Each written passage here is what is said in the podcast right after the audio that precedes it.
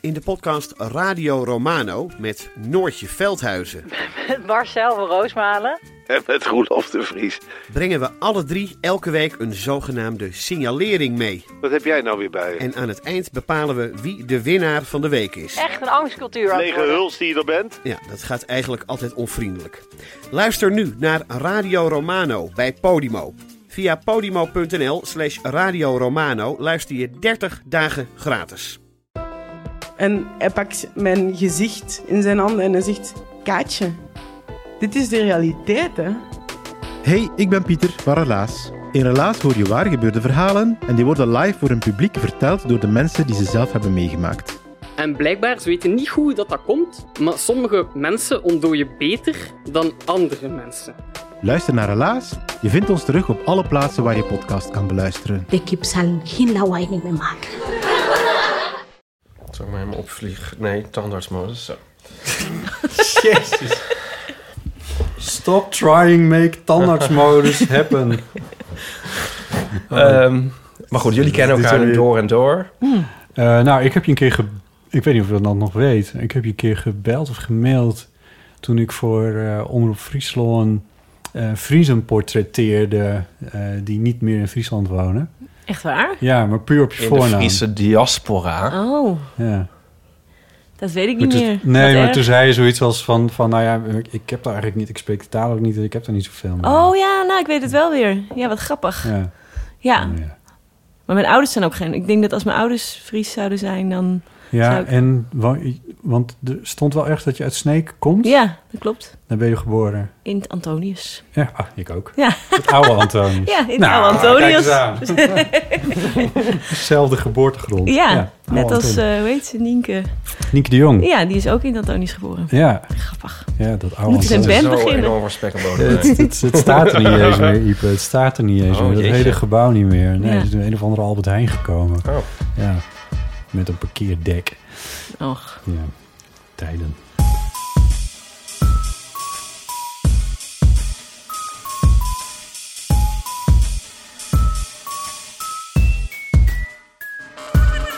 Welkom bij de Eeuw van de Amateur, nummer 79. Met als gast Hiske Versprillen. Hallo. Hartelijk welkom. oh ja, dat is een gek moment, sorry, dat creëer ik zelf. Dat, Ja. eh, hoe Nee, ik wil, het stomme is dat ik dus eh, ehm, af en toe zeg... eh, fijn om hier te zijn, als ik iets moet doen. Maar dat durft... Ik had nu dus net fiets dat ik dacht, dat mag ik echt niet zeggen. Ehm, Nee, mag je wel zeggen. Je bedoelt dat je, omdat Paulien dat altijd ja, omdat zegt. Pauline dat het je, altijd zegt. En omdat ik toen eigenlijk dacht van... Oh ja, dat is ook eigenlijk een heel raar ding om, om te zeggen. Terwijl ik juist... Dus een paar keer bij Radio Mandjaren zat, zat ik dan wel eens... Ja, Dat dan juist wel aan het begin zei en me dan een soort van heel volwassen voelde. omdat, het echt als, omdat je ineens voelt als een soort ingevlogen expert. ja, Heeft Pauline het niet gewoon van jou? Nou, dat weet ik niet. want Chris werkt weer voor Mandjaren. Ja, dat is waar. Dus de lijntjes zijn kort. Oh, ja. Het zou kunnen. Ja. Fijn om hier te zijn. ja, kijk, je moet het gewoon met overtuiging. En natuurlijk Ipe Driessen. Haardo. Ja. ja, dat is wel met overtuiging, maar weer niet serieus. Dat Oh. is dan wel weer... Hoezo is dat niet serieus? Ja, gewoon, weet je het zo goed. Ik had mezelf iets voorgenomen. Ja? Eh, Oh, ja, ik weet wat je gaat doen. Ja, bij het begin van de opname meteen te zeggen... Pak pen en papier. Wil je nou meeschrijven aan de website van de Eeuw van de Amateur? Dan kan dat. eh, want dat zeiden we altijd na afloop. Maar dan dachten we, ja, Te laat. dat, ja, heeft niemand wat. Eh, we hebben een show notes wiki. Dus als je naar www.eeuwvanamateur.nl gaat... dan klik je op show notes wiki. Eh, en die is, zeg ik altijd maar meteen bij... bedacht en gemaakt door Nico Naus. En dan kun je als luisteraar een bijdrage leveren... aan het archief van de Eeuw van Amateur. En dus als, men, als dingen die nu voorbij komen... stel, we hebben het ineens over Sneek, het Antonius ziekenhuis in Sneek. Dan zou iemand dat kunnen opzoeken en dan een linkje maken. Ja, dit is dan misschien totaal oninteressant, maar Nou, ja, maar goed. Bijvoorbeeld. En dan eh, als, als mensen dan naar ons luisteren, hey, Antonius hoeft het niet helemaal zelf te googlen, maar dan kun je gewoon in het rijtje zien.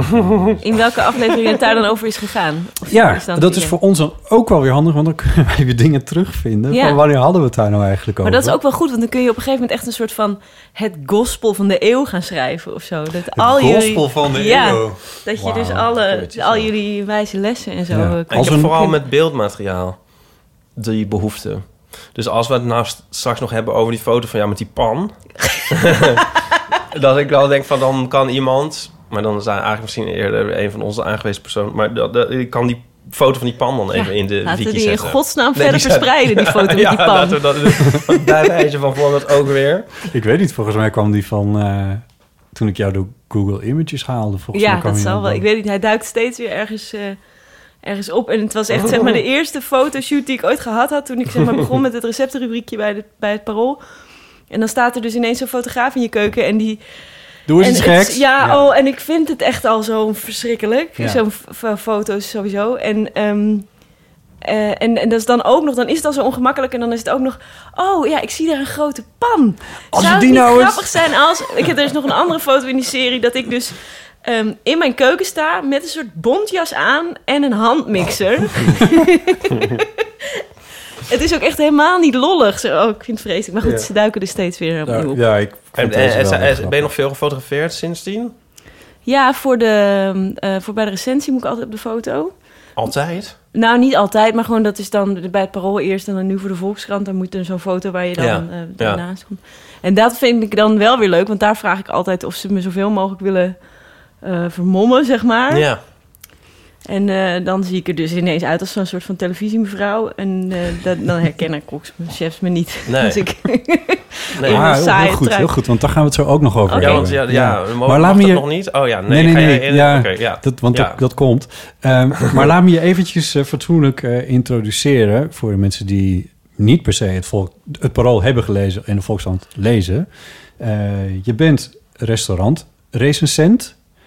Eerst voor het parool. Eh, daar volgde je de roemruchte Johannes van Dam op. En dat is volgens mij inmiddels al vijf jaar geleden. Ja, ja, iets meer dan vijf jaar. Iets meer ja. dan vijf jaar geleden. Ehm, en ergens in het vorig jaar, 2018, heb je de switch gemaakt eh, van het Parool naar de Volkskrant. Tenminste, als ik het goed heb begrepen, ben je gaan freelancen. Meer dan dat je nou per se van de ene naar de andere krant bent overgestapt. Nee, ik was al gaan freelancen. Ik, heb, ik was eerst Ah, gewoon oké. eh, ook redacteur bij de Volkskrant, of bij het Parool. Dus Ja. ik zat daar ook gewoon op de redactie. En daar ben ik, eh, nou een dik jaar, ja, anderhalf jaar geleden of zo, ben ik daarmee gestopt. En toen ben ik gaan freelancen voor het Parool. Ehm, en, eh, da- en nou goed, en daarna En heeft de Volkskrant gevraagd of ik bij hun de recensies wil doen. Ja. Ja. en dan kan je niet bij het Parool blijven. Dus toen ben ik daar weggegaan. Ja, want bij Parool, daar was je dus ook redacteur.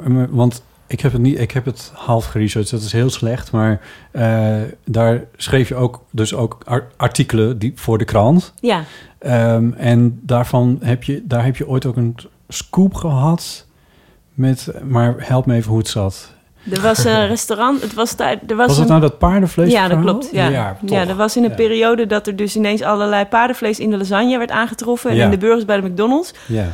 Dat was heel bizar, want ineens zagen mensen dan hoe ondoorzichtig die keten is van dat vlees. En hoe dat, hoe er met dat vlees, hoe dat allemaal door elkaar gemengd wordt en dan ingevroren. En dan wordt het weer vermalen en dan wordt er weer wat anders. Dus ineens kwam er overal dat paardenvlees terecht. En toen was ik eigenlijk bezig met een stuk eh, over paardenvlees in het algemeen. Van wordt het nog veel gegeten? En toen liep ik inderdaad tegen een verhaal aan dat waaruit ineens bleek dat een soort van de biefstukkoning van Amsterdam eh paardenvlees Paardenbiefstuk verkocht. verkocht. Ja, Waar op zich niks mis mee was en wat ook niks nieuws is. Want er waren in Nederland natuurlijk heel veel... Ja, ik ken dit verhaal heel goed. Eh, er waren heel veel paarden ooit... die voor van alles en nog wat werden ingezet. Dus Ja. het was ook niet meer dan logisch dan dat die beesten... Na het, ja, Ipe gruwt Logisch, hiervan, maar goed, als vegetariër. Ehm, eh, dat, dat dat vlees ook werd gegeten. In Engeland, weet ik, is het eh, echt totale no-go. Dat mag Ja. echt eh, absoluut niet. ja, paarden en zwanen. Is het daar. Paarden en zwanen. Ja. Nou ja, zwanen eten we hier geloof ik ook niet echt, Nee. maar goed. Eh, Weet je, zwanen? Nee. nee, maar... ehm, Gevulde zwanenhals. Dit, Denk ik nu aan.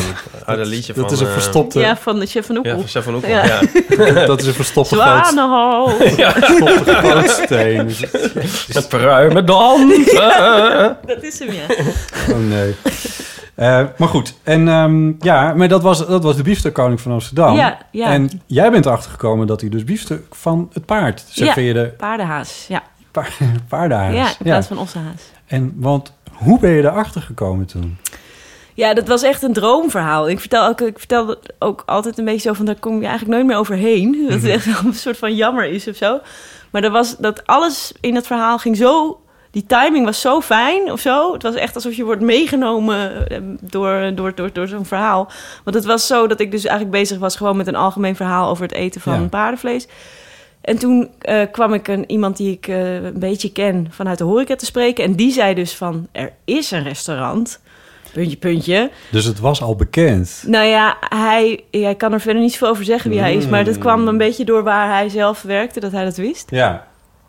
En, eh, en nou, ik schoot natuurlijk meteen tegen het plafond. Want ik dacht van, hé, dat is echt een... Maar hij had zelf geloof ik niet zo goed door dat dat echt een heel ding was. Ja.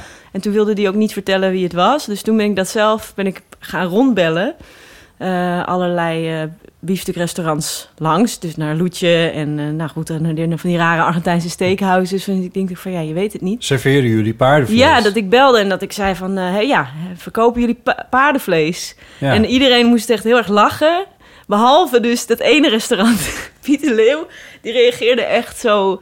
Betrapt? Ja, echt betrapt. Echt als Ah. een kind. eh, ja. Mhm. Nee, hoezo? Nee, hoezo? Wie, wie heeft u dat verteld? Zo.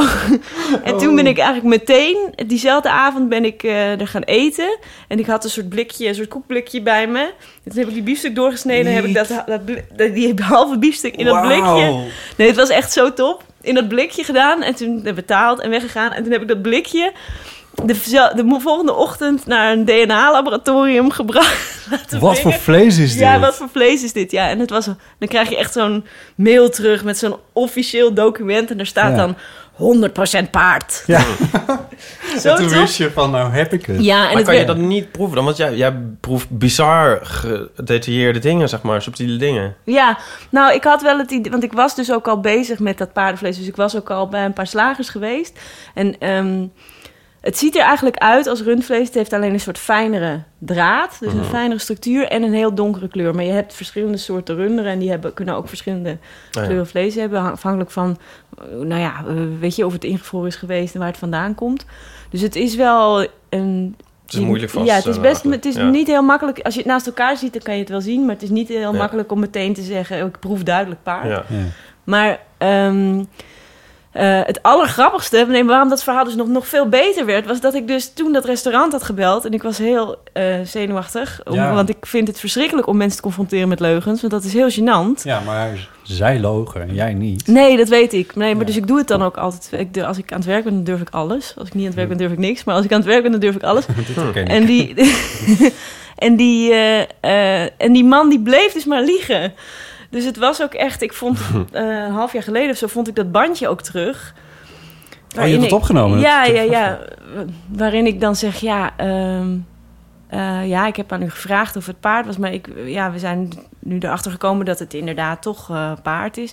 Nee, beslist niet en dat is helemaal niet waar. Toen zei ik, ja, nou ja, we hebben uw biefstuk laten testen en het komt zelfs door. Maar hij bleef, maar hij, op een gegeven moment zei hij echt van, ja, dan heb ik het misschien verkeerd bij de groothandel uit het verkeerde rek gepakt. En dan hoor je mij echt zo zeggen, ja, maar dat zou dan toch echt heel toevallig zijn dat ik een gerucht hoor dat u paard verkoopt. En dat u dat dan niet doet, maar dat u wel dan net per ongeluk die ene biefstuk die ik gegeten heb uit het verkeerde rek bij, de, bij de groothandel. Nou, en toen heb ik dus ook in de krant diezelfde nog gezet dat hij erover gelogen had. Eh, maar dat de, zijn, ik had ondertussen ook zijn leverancier gesproken en die zei: Ja, we verkopen hem al 15 jaar paard. dus, dat, ja, Ja. dus dat stond er ook nog bij. En toen de volgende dag had ik nog een interview met die man die ook echt de meest fantastische dingen zei. Dat die, Die wel, eigenaar. die eigenaar, Ja. ja. die dan wel toch wel wilde vertellen erover. Nou, het was echt, het was echt een droomverhaal. Ja. het was echt heel leuk, ja. Ja. Ja. Journalistiek En- droomverhaal. Mm. Ja, journalistiek droomverhaal. Ja. En Jij ik ziet vond- alleen maar lappen vlees Nou, en ja, ja, dode ja, dieren. een beetje, maar dat Hoe lang ben je al vegetariër? Ehm, ja, ook wel weer niet zo heel lang. Eh, v- vier, vijf jaar, zoiets. ja. niet zo heel lang. Vijf jaar wel, denk ik trouwens. Binnenkort vier je Niet, vegetarisch, niet lang genoeg. vegetariër verjaardag. het vegaleum. Ik had er een strip nog over dat ik lang, dat ik nog, nog, nou nee, dat doet er ook niet toe. Maar ehm, nee. Je hebt overal een strip over. Ja, ik heb Laten we wel wezen. over. Nee, over de, de duur, nou, nee. Ik wil nog iets meer over jou vertellen, Eske. Want eh, je bent ook de maker van de podcastserie Chef. Ehm, waar die volgens mij vooral vorige zomer... de laatste afleveringen, meende ik, waren vanaf Vlieland notabene. Ja. eh, bij Into the Great Wide Open. Ja, waar je de restaurantjes sprak me ook met de, de, dat een super interessant verhaal ook. Ja. Van hoe, hoe ze daar de keukens op dat festival organiseren op een waddeneiland met alle ingewikkelde logistiek die daar weer bij komt kijken. Dat dat restaurant, Amsterdamse restauranthouders zijn over het algemeen. Ja. Of eh, Amsterdamse chefs die dat eh, doen. Ja. Eh, komt er nog een vervolg op die serie? Ja, dat wil ik heel graag, maar het is echt Veel werk. zoveel werk. Podcast maken is veel werk. Jezus, Ja. echt. Dat heb ik echt onderschat, hoe moeilijk, dat, hoe moeilijk ik dat vind. Maar ik vind het ook heel leuk. Dus ik, ja, ik ben er nog wel met één bezig. ehm, met eh één met eh, John Halvermaan, met een eh, bekende chef. Want het, dat Vlieland was een beetje een andere, de andere dan andere. Ja. Want die anderen zijn eigenlijk steeds interviews met één Ja. chef. En dan een reportage waarbij ik met ze in de keuken ga. En dan maken ze een gerecht waarvan ze zelf vinden dat het goed uitdrukking geeft aan wat ze doen. Dus ik heb er nog één met John Halvermaan. En daar ben ik ook al heel lang af, op en af aan, aan, het, aan, aan het pielen. Maar je, je, je hebt ook niet niks te doen, zal ik maar zeggen. Want je bent ook nog correspondent melk bij Ja. de correspondent. Ja. Ja, dat is ook nog zo'n lastig. Ja, ik, ik vond het ook ingewikkeld of zo, omdat ik dus die recensies, daar kan ik altijd wel goed over vertellen. Maar die twee andere projecten, die ik eigenlijk allebei heel leuk vind, die liggen dus allebei een beetje op hun reet. Ja. oh ja. maar dan kunnen we het mooi over de recensies Ja. hebben. Nee, Ja, want, maar het is Oh. wel, het is wel, nee, het is wel. Nou, wel- ik- weet je, daar wil ik één ding dan nog over zeggen over die recensies. Want ik las er eh, eentje van eh, een paar dagen geleden die in de Volkskrant heeft eh, gestaan. Waarbij ik dacht van, nou, dat wil ik één, één aline, met permissie wil ik één alineaatje even voorlezen. Oké. Eh, het, is het, het is een introductie. Het gaat over een eh, recensie van Vieux Paris. In, ehm, Oh, een ja. restaurantje in Arnhem. Eh Volksstand van 9 januari. En dan schrijf je... De brasserie huist in een rond Bordeaux-rood paviljoen... met Parijse miniatuurstraatlantaarns op het terras. Binnen is het gezellig druk aan de dicht opeengeplaatste tafeltjes... en kweelt Charles Aznavour Chi. Geen mogelijkheid tot het aanbrengen van een kellamp, gouden spiegel of rood verloer is onbenut gelaten. En we zien ingelijste menukaarten van het beroemde Bouillon Cartier in Parijs. Onwillekeurig rijst de vraag of het hele geval straks om zijn as zal gaan draaien... en Ilja Gort met een stokbrood uit de coulissen danst... om een loepzuivere Marseillaise te spelen op zijn neusfluit. en ik, ik vind dit een hele mooie Hiske Versprillen. Ja. Ehm, en ik vind het ook heel bijzonder, eh, want re- recensies, eh, bijvoorbeeld kunstrecensies, die dat moet in 400 woorden of weet ik veel. Ja, af en toe mogen ze uitpakken, maar dat, je, dat jij kennelijk de ruimte hebt en krijgt in de krant om dit soort alinea's wel te kunnen Ja. schrijven. Ja, nou ja, restaurantrecensie is ook meer dan een kunstrecensie, denk ik, altijd een reportage. Ja, het is een reportage, ja. Ja. Dus ik denk dat het daarom zo is. Ik heb, er ook wel echt, ik heb het ook wel echt bedongen bij de Volkskrant. Want mijn voorganger die had veel minder... Ik was bij het Parool, had ik al een royale Mark. Mac van Dinter. Mac van Dinter, ja. Ik had bij het Parool al 750 en ik wilde per se bij de 750 Volkskrant- woorden, Ja. ja. en bij de Volkskrant wilde ik heel graag eh du- 1000 of 1100. En dat, dat heb ik ook een beetje gedaan, de, bedongen, door te zeggen: kijk eens naar de Engelse kranten en naar de Amerikaanse Ja. kranten. Die hebben allemaal nog veel langere recensies. En dat is ook, het maakt een stuk gewoon interessanter als je er een reportage van mag in maken. Een, in een alinea heb je een hele wereld geschetst. Ik heb meteen een beeld voor me hoe dat eruit ziet. Het zal Nou, niet kloppen leuk. met hoe het was, maar Ja. Door... Nou, dat, dat, dat zou wel moeten natuurlijk. ja, dat Nou. zag er wel echt zo uit. ja, Zo, maar- die Ilja Gort was er niet. Maar... Het, ik bedoel, het is niet heel anders. Het is niet eens een, eh, een Bauhaus eh, restaurantje of zo. Dat, eh, dat, dat is wel duidelijk. Ja, Maar je schetst gewoon een hele wereld. En het is echt heel tof dat je, dat je, dat je... Want dit geeft zoveel kleur aan zo'n verhaal. Ja. ja, maar dat is ook wel een beetje wat... Een restaurantervaring is natuurlijk ook iets anders dan het lezen van een boek of zo. Mensen hebben natuurlijk bij een boek ook wel eigen associaties of bij een toneelstuk. Maar zo'n recensie gaat dan toch eh, over wat de bedoeling is van dat stuk zelf. Terwijl zo'n restaurantervaring... Dat is gewoon een avond die je doorbrengt. En, en dat is een, u- altijd een unieke ervaring, want elke avond is anders. Ehm, elk bord is ook anders. Dus dat maakt het ook, heel, ehm, ook wel ingewikkeld af en toe. Want je kunt ook gewoon een keer pech hebben. Weet je wel, een Ja. chef kan ook een keer pech hebben. Dus dat, dat, dat, maakt het, ja, dat maakt het gewoon anders dan andere recensies. Want jij mag nu door het hele land, zeg maar. Ja, Dat zal ook wel heel leuk zijn, toch? ja dat is superleuk. En ga je, eh, heb je een soort... ehm, doe je dat altijd op dezelfde manier, zeg maar? Met dezelfde... ehm, ga, je gaat denk ik niet in je eentje, neem ik aan. Nee, ik ga altijd met dezelfde persoon, namelijk met mijn eindredacteur. eh, Joosje. En dat was ook al zo bij het Parool. Zij was eh, de beste vriendin van Johannes van Dam. En ook zijn eindredacteur. En ze ging ook wel eens met hem uit eten. Dus de, destijds de hoofdredacteur van het Parool... die heeft haar, ons eigenlijk aan elkaar gekoppeld en gezegd... ja, weet je wel, je, je gaat dit nu doen... maar het is gewoon handig om iemand erbij te Ja. hebben... die het al een beetje weet. Dus toen is Joosje met me meegegaan... en dat gaat eigenlijk al heel lang heel goed. Ja. En zij is ook met me meegegaan naar de Volkskrant. Dus Oh, we ja. gaan altijd samen. En dat vind ik ook prettig, omdat het meteen ook wel aangeeft dat het werk is, zeg maar. Ik heb er altijd zin in. Ik heb altijd Ja. zin om te gaan. Maar we, we weten zelf heel goed hoe zo'n avond in elkaar zit op het moment dat we gaan recenseren. En dat dat anders is dan wanneer je met vrienden naar een restaurant gaat. Ja, precies, ja. En proeven jullie dan van, van elkaar? Of is Ja. dat niet heel opzichtig? Nou, we zijn er best wel goed in geworden op een bepaalde manier. We hebben ook bijna een soort van... eh, een soort double act van eh, Ja. de gekke tante en het muizige Oh ja. nichtje, zeg maar. Want Joosje is heel... eh, nou, misschien niet altijd veel vertellen... zeggen, nee. maar is een soort van... die is een vrij opvallende verschijning. En luidruchtig. en ehm, eh, dus, nou ja, dat... dat ja. En we, we bestellen altijd... verschillende dingen en dan ruilen we on- ondertussen. Ja. Maar daar zijn we ook wel handig in geworden. Ja, er zijn echt van die dingetjes waar je heel handig in... Waar ik bijvoorbeeld ook heel goed in ben geworden... is eten laten verdwijnen. Oh ja, Daar heeft iemand ook wel eens... zoals op- Mr. Bean.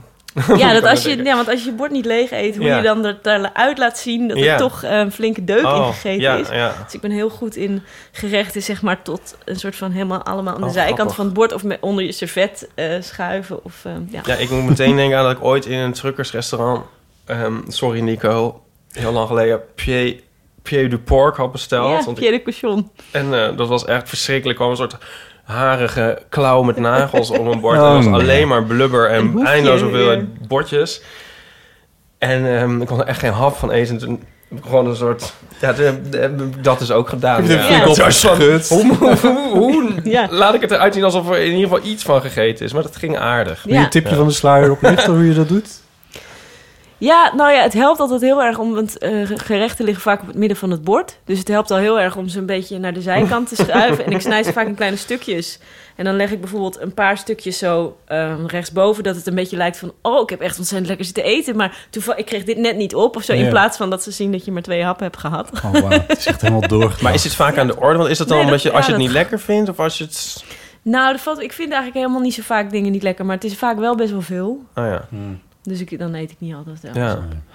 En je wil, je wil dus niet herkend worden natuurlijk. Nee. Maar- Krijgen we maar- zo nog een vraag over? Krijgen we daar een vraag? Oh, oké. Ja. Want, ehm, maar- en dan nog een andere vraag. Ja, dat klinkt gek, maar we hebben dus Ja. allemaal vragen via ons eh Oh, eeuwofoon berichtje binnengekregen. Dus daar gaan we zo naar luisteren. Er wordt ook al de vraag gesteld, want hoe kies je de restaurants?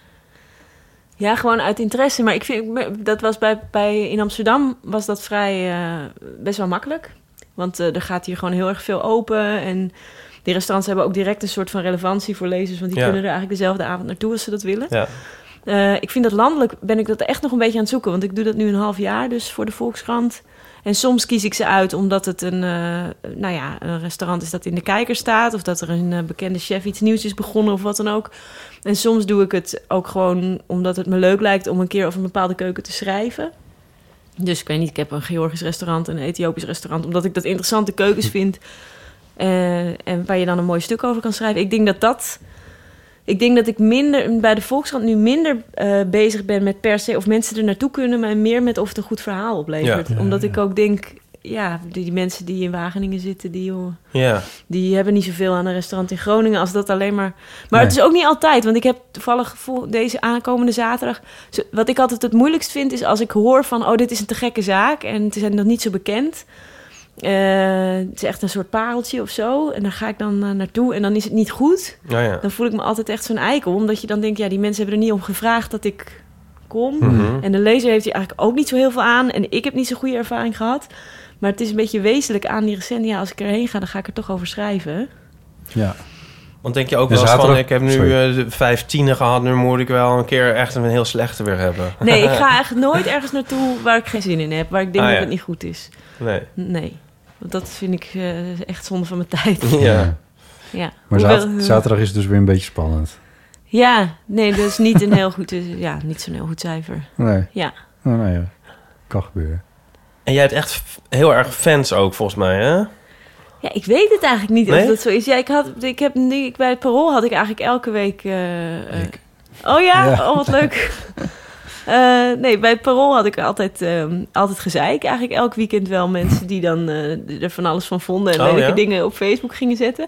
En bij de Volkskrant, dat zijn gewoon minder verbale lezers, heb ik Oh, het idee. grappig. Ik hoor veel minder, ik krijg wel eens mailtjes. Oh ja. Maar niet heel vaak hoor. Nee? Nee. Ook niet van, en van de mensen gewoon in gesprek dan? Ja, nou mensen vinden het altijd wel heel interessant. En van, het is natuurlijk ook een hele gekke baan. Dus die willen Ja. vinden dan... Dus dat, eh, ja. Het is heel gauw. Ik was bij mijn ouders. Ik heb zelf de Volkskrant niet. Maar mijn moeder had me echt net jouw recensie onder mijn neus geschoven. Van, oh, ze is weer zo leuk. Ze is weer zo leuk. En eh, oh, ik doe mijn moeder weer na. en, eh, en toen tweette jij iets over de eeuw. Ik weet het eigenlijk niet meer wat, je, wat het Oh ja, dat ik die nieuwjaarsuitzending zo ontzettend leuk vond. Oh ja, ja, ja. Fijn, ja. Dus ik, oh kijk, kijk maar, kijk, daar heb je er net. Kijk, dat, dat, dat vond ik wel heel erg grappig. Maar ehm, Toen kwam alles bij elkaar. toen kwam Ja. alles bij elkaar. Maar ehm, ja, nee, maar ik weet van veel mensen dat ze het eh, leuk vinden. Maar goed, maar dit terzijde. Maar je hebt dus niet een hele fanclub. Volgens mij niet. Of- nee. Ehm, maar eh, anders moeten we naar wat vragen. Want Ja, ik heb ja, al een miljoen vragen. Maar die zijn misschien ook wel Ja. ingestuurd. Eh, laten we dat gewoon doen. Ehm, Want dit zijn vragen die dan op de, de mail zijn binnengekomen. dit zijn vragen die op onze eh, voicemail zijn binnen. Oh, dit zijn de. Oké. Ja, ja, precies. Want we hebben een eeuwofoon, zo Ja. heet dat ding. 06 1990 68 71. Ehm, ik zeg er maar ook maar weer even bij. We proberen zoveel mogelijk berichten te laten horen. Maar eh, we hopen dat de inbellers er ook een beetje begrip voor hebben... dat we af en toe moeten kiezen. Dus als je hebt ingebeld en je hoort jezelf niet weten... en dat het bericht eventueel in een latere aflevering ook nog voorbij kan komen. Maar alle reacties zijn welkom. Eh, op het telefoonnummer 06 1990 68. 71. Laten we meteen even luisteren naar eh Flo. Dag Botte, Ipe en Hiske. Flo hier. Ipe's nemesis. Er zijn veel dingen die ik niet snap aan en Ipe, maar het meest bizarre is wel hun afgunst van eten. Zoals al eens vaker gezegd hebben in deze podcast, eten ze alleen omdat het nu eenmaal moet. Ik snap hier niks van. Ik kan me namelijk enorm verheugen op eten. Het haalt herinneringen boven en het werkt soms zelfs extatisch. Ik moest niet al te lang geleden zelfs bijna huilen van geluk door een stukje geroosterde bloemkool. Mijn vraag aan Hiske is dan ook: wat vind jij van mensen die niet van eten houden? En wat is er in godsnaam mis met Ipe en Botten? en zijn ze nog te helpen? Ja. Dat was het. Ik ga nu zelf iets eten. Dankjewel, Doe Flo. dat, Flo. Is Ja. dat de strip Flo? Ja. Oh ja. Ja, ja. Hij zegt het is wel heel kras, niet van eten houden. ja. Maar is dat zo dan? Zeg maar, eh, zijn jullie van die mensen die, als het zou kunnen, wel zo'n van dat, dat eh Soylent, eh, Hm. ehm, Nou, het is meer... Ja, zo'n Ik vind het waar vaak- alles in zit? ja, ik vind het vaak wel een gedoe. Het eten. is ook een gedoe. ja, en het is meer dat ik. Ik bedoel, het is niet. Het, het staat gewoon niet hoog op mijn lijst of zo. Ik kan ook echt wel van e- lekker eten genieten. Mhm.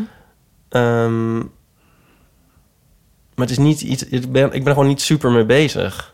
Dat, dat is het Ja. meer. Ik, ik kan ook prima niet zo lekker eten. En dan vind Ja. ik het helemaal niet zo erg of zo. Ja. Maar het is misschien ook een gebrek aan aandacht.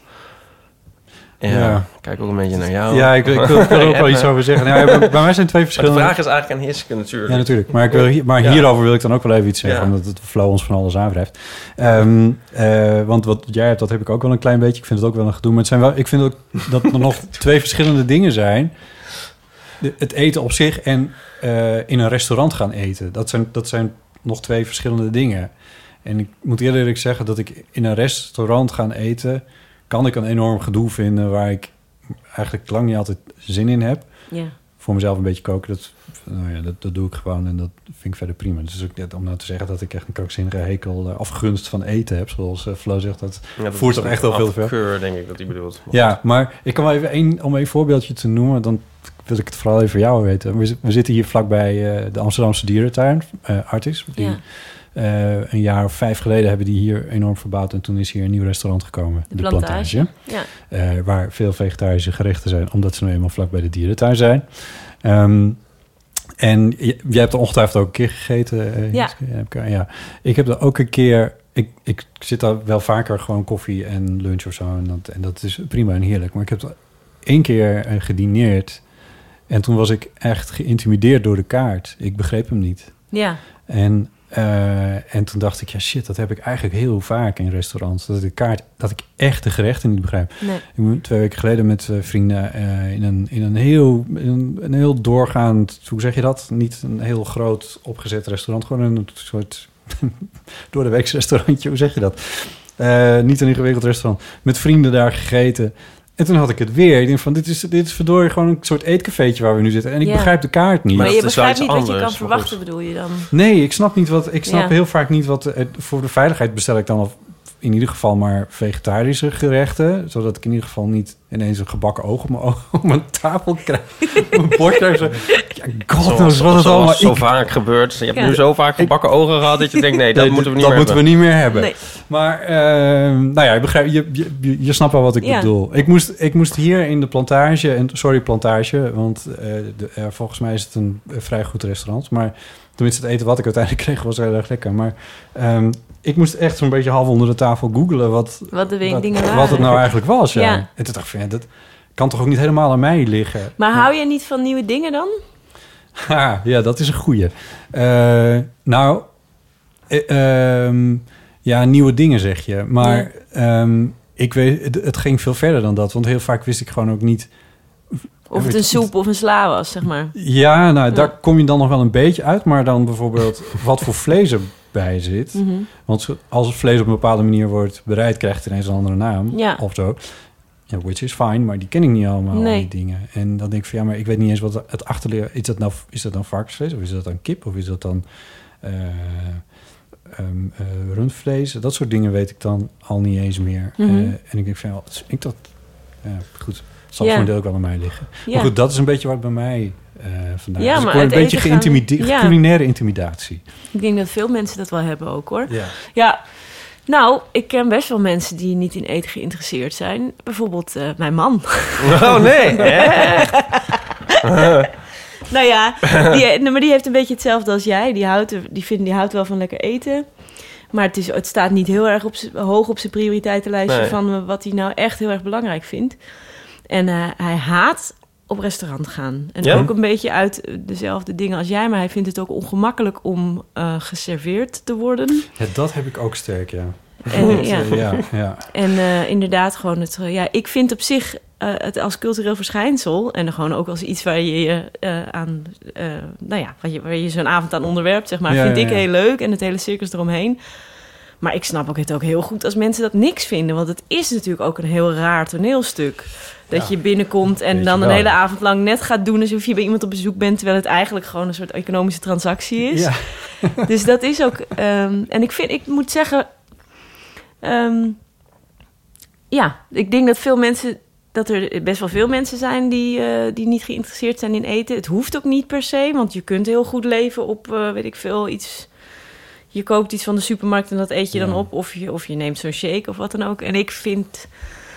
ehm, ik vind het heel leuk als mensen wel erin geïnteresseerd zijn, maar ik vind het geen vereiste. Ik bedoel, je kunt op zoveel andere manieren een, een, een vol en een gezellig en aardig leven leiden. Ja, dat meen ik Zonder- toch ook wel Ja, voor elkaar te hebben. ja, ja.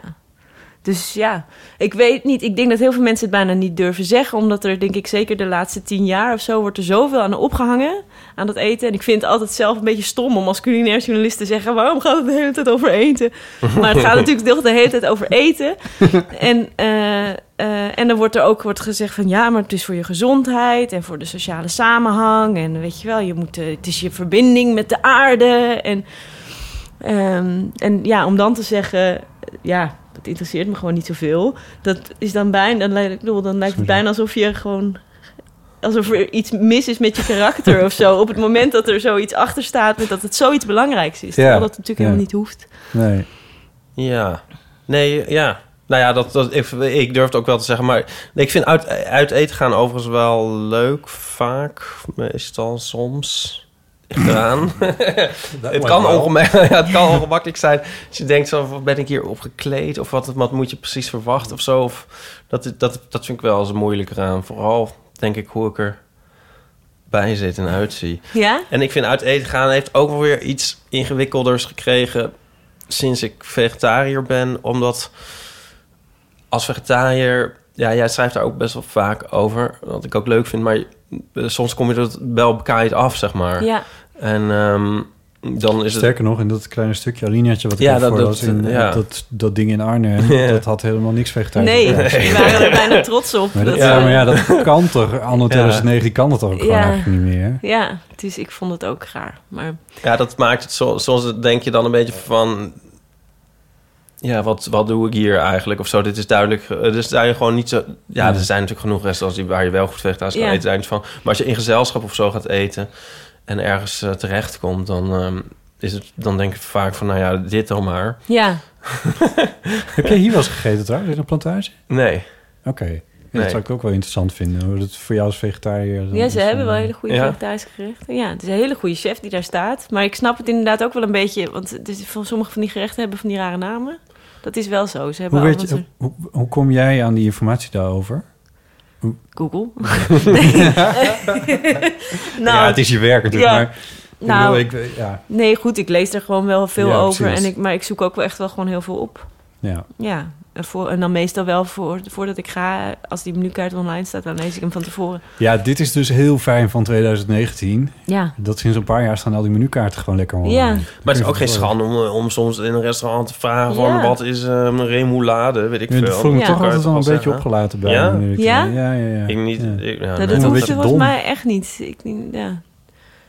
Nee, dat zou ik niet... Ik, ja, je- volgens mij kun je bijna altijd gewoon... Mensen vinden het ook wel leuk als je dingen vraagt. Ja. Dus Ja, eh, ik, eh, je geeft ja, ze dan ook een kans om een beetje te shinen of zo. ja, dat is misschien ook wel weer waar, ja. Ja, ik zou me daar niet al te veel zorgen om maken. Maar we hebben dus ook een ding, maar daar is geloof ik ook een vraag Ja, er over. zijn heel veel vragen. dat, eh, ik kan het dus ook op een gekke, perverse manier wel leuk vinden om slecht uit eten te gaan. Stop, stop hier. Wacht, we gaan luisteren, we gaan luisteren Naar een naar, vraag. eh, naar, naar Willem. En die zit hier. Goedenavond, met Willem vanuit Rotterdam. Eh, ik bel in naar aanleiding van iets wat Ipe een eh, paar aan, eh, afleveringen geleden zei. Namelijk dat hij het ook wel leuk vond om in een slecht restaurant uit eten te gaan. En ik herken dat heel erg. Ik ja, vind het een soort fijne luxe, geloof ik, dat het dan ook slecht mag zijn. En dat vind ik zo leuk dat ik ook wel eens op ehm, ja, van die social deal, van die hele goedkope eh, vieze restaurants kun je dan bijvoorbeeld drie gangen voor, voor 12,50. Dat is nooit lekker, maar daar geniet ik wel heel erg van. En eh, ik vind het ook bijvoorbeeld best wel leuk om extra geld te betalen om in de business class te vliegen in het vliegtuig. Ook al is dat, ja, daar moet ik echt wel voor sparen. Eh, maar ik denk dat iedereen zo wel ja, dingen heeft waar ze gewoon geld aan uitgeven, terwijl het niet noodzakelijk is. Maar dat zijn vaak wel hele leuke dingen om geld aan uit te geven. Dus ik wilde graag van jullie weten, eh, waar geven jullie nou graag te veel onnodig geld aan uit? Maar dat vind je leuk om te doen. Bedankt alvast. Doei. Doei, dankjewel Willem. Eh, deze vraag laat me een beetje in bocht. We begonnen bij de slechte restaurants. Ja, we die- die switch begrijp ik niet, maar, nee, ja, ja. omdat Willem niet specifiek voor Hiske inbelde, maar we hadden Ja, deze nee, vraag. nee, maar Ja. ja. Oh ja, want eh business class is heel duur, toch? Ja, Ja, dat Oh, is onwijs duur. En het eten is volgens mij ook niet echt per se heel lekker. Oh ja, dat weet, weet ik dan niet. Maar, Maar dat is voor hem dan juist weer goed, natuurlijk. ja. ja. Maar inderdaad, de slechte, laten we eerst de slechte restaurants. Vind je dat nou ook leuk? Ja, nou ja, ik weet niet. Het hangt er een beetje vanaf. Het is, het, die slechte... Het stomme is dat een slechte recensie schrijven is eigenlijk ook wel heel leuk. Want het, het boort weer een heel ander... eh, hoe noem je dat? Uit een, put weer uit een heel ander vaatje... Ja. om ergens over te bedenken waarom het eh, niet goed is. Ehm, en dat, dat, is, dat, is, dat is leuk om te doen. Daar kun je echt helemaal best wel goed een beetje op losgaan. En het zijn vaak grappige stukken worden het. Ehm, en ze worden heel goed gelezen. Maar ik toch, ja, vind ik het ook altijd zielig voor het restaurant. Oh ja. Maar voor jezelf, want je, je, je zei al van... eh, als je dus voor, echt voor de recensie uit eten gaat... dan is het heel anders dan eh, Ja. als je normaal gaat, zeg maar. Ja. Is dat nog wel even leuk als vroeger of zo? Of, of hoe is Maar dat ik vind het zo moeilijk wat dan een slecht restaurant is. Want ik kan wel heel erg genieten van vies eten, zeg maar. Ja. Bijvoorbeeld, er zijn gewoon bepaalde producten waar ik niet echt een soort ondergrens heb. Bijvoorbeeld de schnitzel. Oh ja. Oké. Oh ja. Ehm, en ik heb dus laatst toevallig in een Duits wegrestaurant echt een Ja, hele vieze schnitzel gegeten. En dat was echt top. Met een soort aardappelsalade erbij. Dat was een soort Gouda's glorie puree-achtig ding. Nice. Nou, het was echt heel lekker. Nee, ik hou er heel erg van. Maar, ehm, eh, dus dan vind ik het... Maar dan maakt het ook weer een soort van per definitie niet slecht. Ik zou zeggen dat het slecht is... als het niet doet wat het belooft. Of Ja. als het je belazert. Of als het niet voldoet aan de gewekte verwachtingen. Ja. En daar hou ik dan weer niet zo van. Nee. Dus het is Nee, meer maar drie je... gangen voor 12,95 zoals Willem dat dan doet. Ja, en dan een beetje zitten, zitten Ja. kanker op dat het niet is, weet je, weet je wel? Ja, nee, dat klopt natuurlijk ja. ook niet. Ja. Ik weet niet, ik vind het wel heel leuk om over ook... Ik vind het ook, ik vind ergernis ook zo'n, zoiets interessants, omdat het zoiets directs is. Dat je denkt van, god, wat irritant. En om dan te gaan uitzoeken waar dat nou vandaan komt... en wat je er dan vervelend aan vindt... Ja, daar zijn, daar zijn slechte restaurants natuurlijk heel goed voor, of zo. Om te denken, waarom vind ik dit dan zo stom? Ja, ja, ja. Ja, ik zit nou te denken aan... ehm is ook gelijk te herleiden. Dat is dan in Leeuwarden tapas ging eten, bijvoorbeeld. En As one does. dan weet je al van dat... Wat is tapas in het Fries? ja. en dan ook met heel Friese mensen die daar allemaal werken en zo. En dat is gewoon... Dat vind kan ik dan helemaal leuk vinden. Maar misschien is dat wel in overeenstemming ook wel met de verwachting Ja. dan. Dus dat... eh, ja... Maar dat- onpretentieus, ik zou het ook onpretentieus kunnen noemen misschien wel of zo, ja. Ja. Maar eh, los van het slechte, vind je het dan, heb je wel, ehm, is het niet zo van dat je denkt, ehm, ben je het wel zat dan, zeg maar, uit, eh, wo- wordt je eten of uit eten gaan ook nooit? Nee, nou ja, we hebben wel eens dat we, dat we dus eh, bijvoorbeeld dan zeg maar vijf weken achter elkaar zo'n soort van zeven min hebben of zo. Hmm. En dat, dat ik, dat- dan denk ik af en toe wel van, oh kak, misschien ben ik wel gewoon heel erg blasé geworden. Oh ja. En eh, vind ik niks meer leuk. Maar de, eigenlijk bijna altijd komt er dan op een gegeven moment weer een restaurant dat ik echt fantastisch vind. En dan denk ik van, oh nee, het lag toch aan die zaken en niet aan mij. Ja. Dus nee, ik heb eigenlijk altijd wel zin om te gaan. Maar ik ben ook, juist ook omdat dat uit eten gaan zo'n rijke ervaring is. Wat niet alleen maar gaat om wat er op het bord ligt, maar ook om, het, om nou, communicatie met mensen. En om wat mensen hebben gedaan met een zaak om je je welkom te laten voelen. De, ja, daarom heb ik ook altijd wel zin in. Ik ben altijd wel heel benieuwd. En als je het hebt over slecht... Ja, be- nou ja, ik was bijvoorbeeld eh, een tijdje terug in, bij een restaurant in Drachten. Eh, nou, dat was echt een soort time warp. Dat was zo fantastisch. Dat restaurant dat heette dus Koriander. En het heette Koriander omdat de eigenaren Corrie en Jan heten. oh, leuk! En het was zo top. Het was, zo, het was echt een time warp. Het was echt alsof je zeg maar de Leen Bakker catalogus van Oh, 2002 leuk. instapte. Met allemaal bruin en grijs leer en overal eh, vrouwen naakten zonder hoofd op alle tafels en sierpompoenen en, Oh, en ja. van die geairbrushed schilderijen met zilver en goud van tropische dieren. Ehm, nee, het was echt, maar dat, daar kan ik enorm van genieten juist. Oh, leuk, ja. Terwijl je zegt, dan wordt het een beetje cultachtig of zo, bijna. Ja. ja. Maar dan is het leuk omdat het echt Ja. is. Het houdt het, het houdt het spectrum misschien ook in stand. Hè? Want als je alleen maar in restaurants eet die vanaf, laten we zeggen, weet ik veel, misschien een zes beginnen of zo, tot en met tien. Wat, zit, wat, wat, bepaalt, wat, hè, wat heb je aan een tien als er nooit een twee is of zo? Ja. Dus de- de- er moet, je moet dat, ik bedoel, daar hoef je niet altijd over in de krant te schrijven natuurlijk. Maar het is, en niet dat koriander nou een twee is. Nee, dat was helemaal niet zo slecht. Nee, maar wel dat je die verschillende perspectieven een beetje... Daar kan me wel iets bij voorstellen. Ja. Dus ja, ik, ik vergelijk het even met... Ik, ik ben een, een, een, een, een behoorlijke muziekfreak. Ik vind eh, op Spotify de...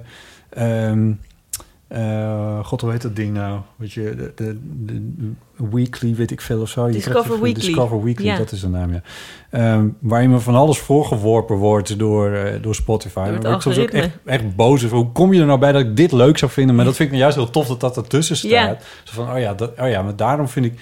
Hier vind ik dit en dit dus niet goed aan. En daarom vind ik dus eigenlijk dat en dat wel eigenlijk heel erg goed. Ja, ja, als een soort contrasten. Ja, ja, ja, ja. Ja. En soms was het ook gewoon iets wat me voor de voeten wordt geworpen... wat ik gewoon helemaal niet ken. Waarvan Ja. je dan even helemaal staat te kijken. Zoals koriander dan. Ja. bij jou het geval was. Ja, Nee, zeker. nou ja, en inderdaad, dat is ook. Dus het is gewoon tof dat er zoveel is. En, en het is ook, wat ik er ook leuk aan vind, en dat, dat vind ik ook wel echt een voordeel van het feit dat je Amsterdam uitgaat, Hm.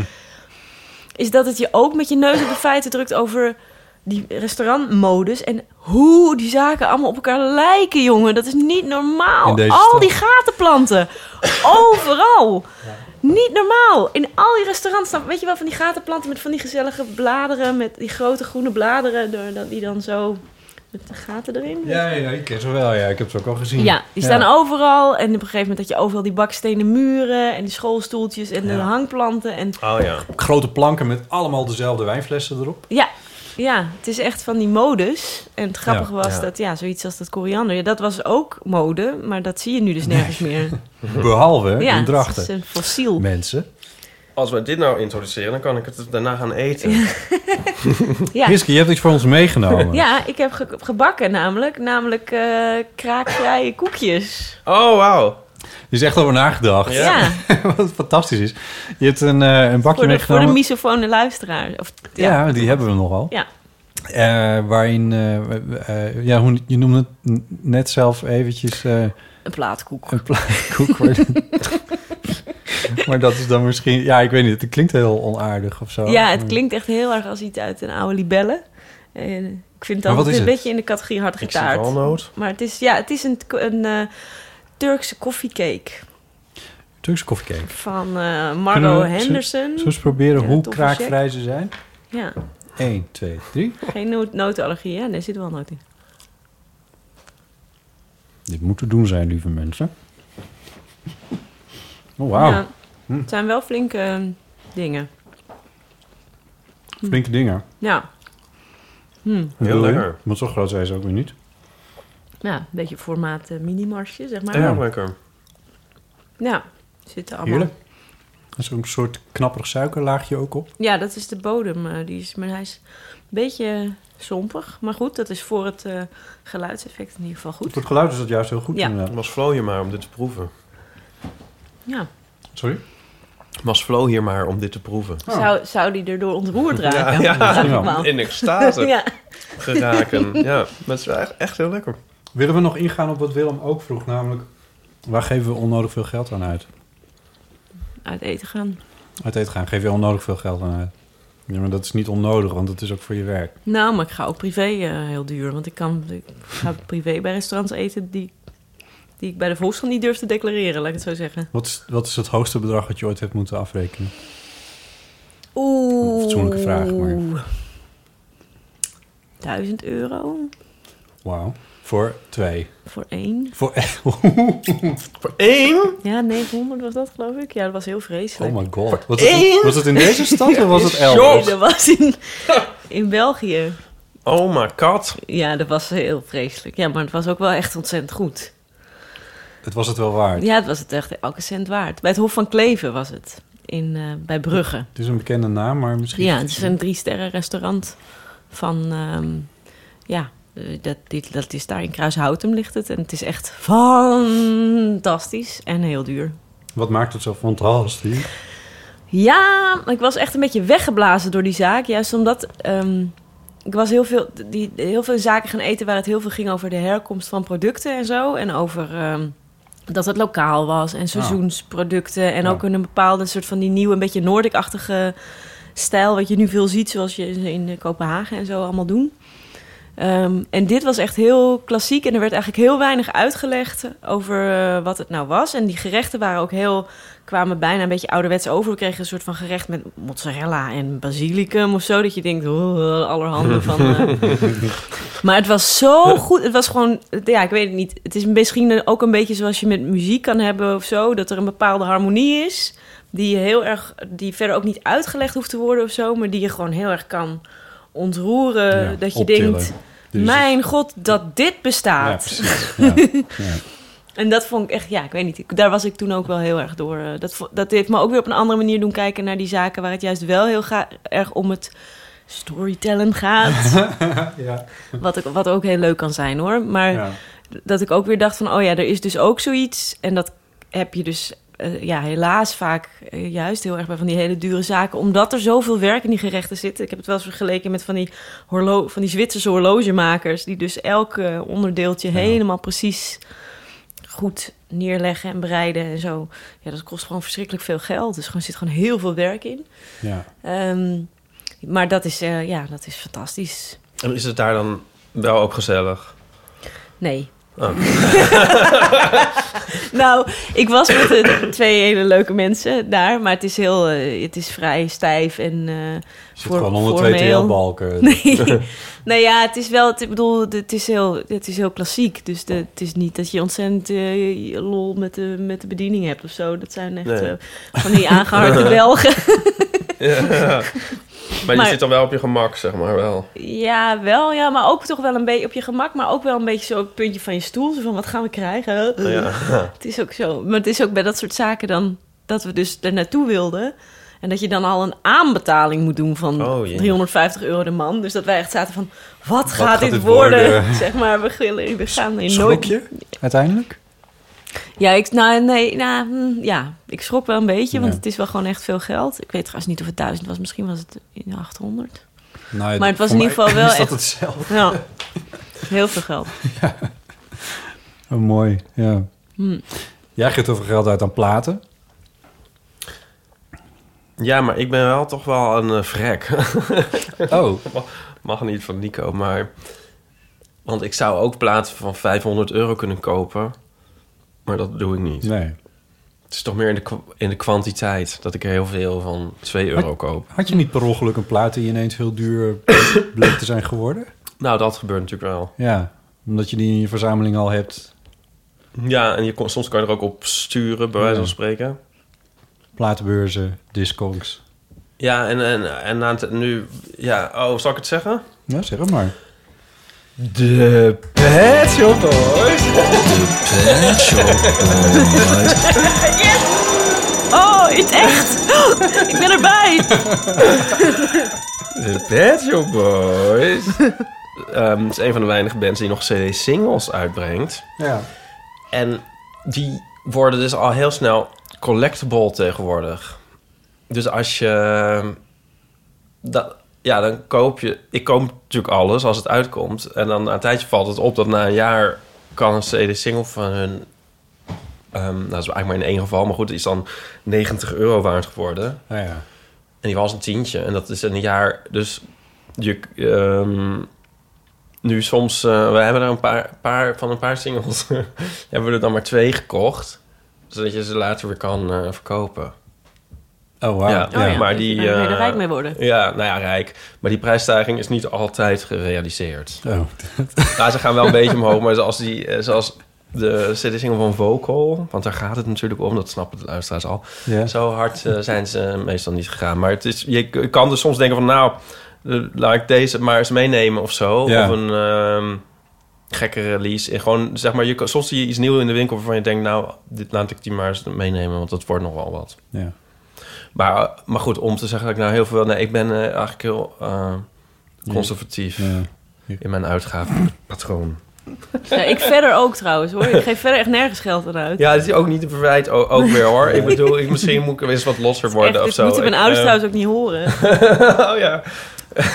Geef je wel een speciale versie mee, dan piepen we dat even weg Oh ja. en dan eh, kun je die aan het terug. 9 euro. Ja, nee, Ehm, Jonica, Jonica Smeets heeft ook ingebeld. Hey Botte, Ipe en Hiske, dit is Jonica Smeet. En ik had twee vragen voor Hiske Versprillen. De eerste is, komen er nog nieuwe afleveringen van Chef? Want ik vond het echt een heel fijne podcast eh, voorbij het koken. En de andere vraag gaat over eh, of je vaak tips krijgt voor je recensentierubriek. Want ik ben daar zelf altijd zo bang voor. Dan heb ik een restaurant dat ik echt fantastisch vind. En dan twijfel ik of ik je dat moet tippen. Maar dan ben ik bang dat je het eh, of af gaat kraken of dat je het de hemel inschrijft. Dan denk ik, ja, die zijn eigenlijk allebei die opties zijn heel vervelend als het een lievelingsrestaurant is. Dus dan hou ik het toch altijd maar voor mezelf. En ik vroeg me af, eh, krijg je vaak tips? En dan vooral van dingen die mensen goed vinden. En eh, zou jij zelf denken dat ik die tip toch moet doorgeven? Nou, ik eh, hoor het graag en heel veel plezier vanavond. Hoi! Janneke Smeets, de eh wetenschapscommunicatie hoogleraar en collega bij de Volksstand van jou. Jazeker. Ehm, met natuurlijk, met dus, eh, oh, ja, we hadden het er net al even over, over nieuwe afleveringen van Chef komen. Nou, je zet, ze, zij zet je helemaal voor het blok. Ja, ja maar ik, ja, we zijn wel weer aan het bedenken hoe we het misschien op een andere manier iets... Nou ja, goed. Ik hoop het heel erg, want ik vond het echt heel leuk om te doen. Ik vond Ja. ook als ik ze terugluister, vind ik ze zelf ook leuk. Dus Ja. En de tweede het. vraag. eh, als Janneke in een lekker restaurant zit waarvan ik denk van... oh, dit is wel echt helemaal te gek. ja. Moet ik hem dan juist wel of juist niet aan jou tippen? en volgens mij woont Jonica ook nog in Utrecht. Eh, de- ja, in een andere stad, maar Oh. eh, ja. Niet? Leiden. Oh, in Leiden, shit. Nou ja, goed, Leiden ben ik wel geweest. Maar Utrecht, eh, als er mensen uit Utrecht luisteren... Je hebt niks uit Utrecht? Nee, ik kan... Nee, Maar dat niks. schreef eh, Mac, heet, heet die Mac? Maar, ja. Ja, die schreef dat ook altijd. Van, Ja. Er is nooit iets in Utrecht. Nee. Ik heb zelf een miljoen jaar in Utrecht gewoond. Het is inderdaad een beetje een eh, gekke stad qua eten. Ja. Oh. Ja, ze hebben ook geen één Michelinster. Niet dat dat nou per se ontzettend veel uitmaakt, maar ook qua andere... Ja, dat is het Michelinster-alarm. Het Michelinster-alarm, ja. Ik ga ik altijd ehm, vegetarische gado gado bij Pomo op de Voorstraat eten. No spon. Ja. in Utrecht dus. Nee, maar ik, wil, ik krijg heel graag tips. En eh, eh, ook ehm, nou, niet zo vaak als ik zou willen. Ik krijg bij het Parool krijg ik meer tips dan nu bij de Volkskrant. Oké. Ik heb het idee dat, toch, ja, dat mensen toch minder eh, snel in een pen klimmen of zo. Ja, maar misschien ook wel wat dat Jodeke zegt. Van stel dat jij dan naar dat restaurantje gaat... wat zij net heeft ontdekt en wat ze helemaal te gek vindt... en dan ze Ja. denkt, hier moet ik nog met die vriendin naartoe... en daar met dat clubje nog naartoe. En dan komt die versprillen en die, die, die zet daar een, een 8 of een, of god beter het, een 9 bij... en dan zit het, eh, is het uitverkocht tot Ja. eh, diep in 2020. Ja, dan kan ik me voorstellen dat je dan denkt van... ja, wat heb ik er eigenlijk aan?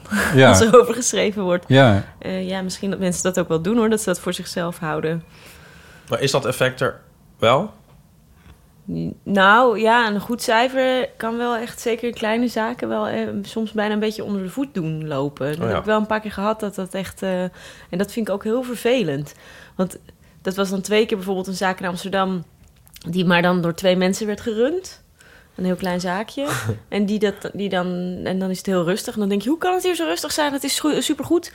En dan na zo'n positieve recensie Ja. krijgen ze het eigenlijk net even iets te druk. Maar heel vaak hebben mensen dan ook... die hebben dan gewoon even tijd nodig om zich daaraan aan te passen. En daarna Ja. kunnen ze dat zelf ook beter doseren. Ik weet niet. Ik heb zelf altijd het idee dat een goede recensie wel meer invloed heeft dan een slechte. Hm. Ja? Ja, Ja, dat denk ik wel. Ja, behalve als ze Je kan natuurlijk ook denken van... kijk, als die Hiske het al een 6 waard vindt... dan zal het toch wel aardig zijn. En komt er geen hond. Dus dat is eigenlijk een heel goed idee om daar dan te gaan eten. Ja, misschien wel, ja. Ik vind een 6 wel echt zo'n... Dan zou ik er niet gaan eten, maar... Wat is het laagste cijfer dat je wel eens hebt uitgedeeld? Een 3. Oh, leuk. Waar was dat aan? Spingaren. waar, is, waar is dat? op de gracht. Dat was het oude Lieve. Eh, Lieve zat daar vroeger.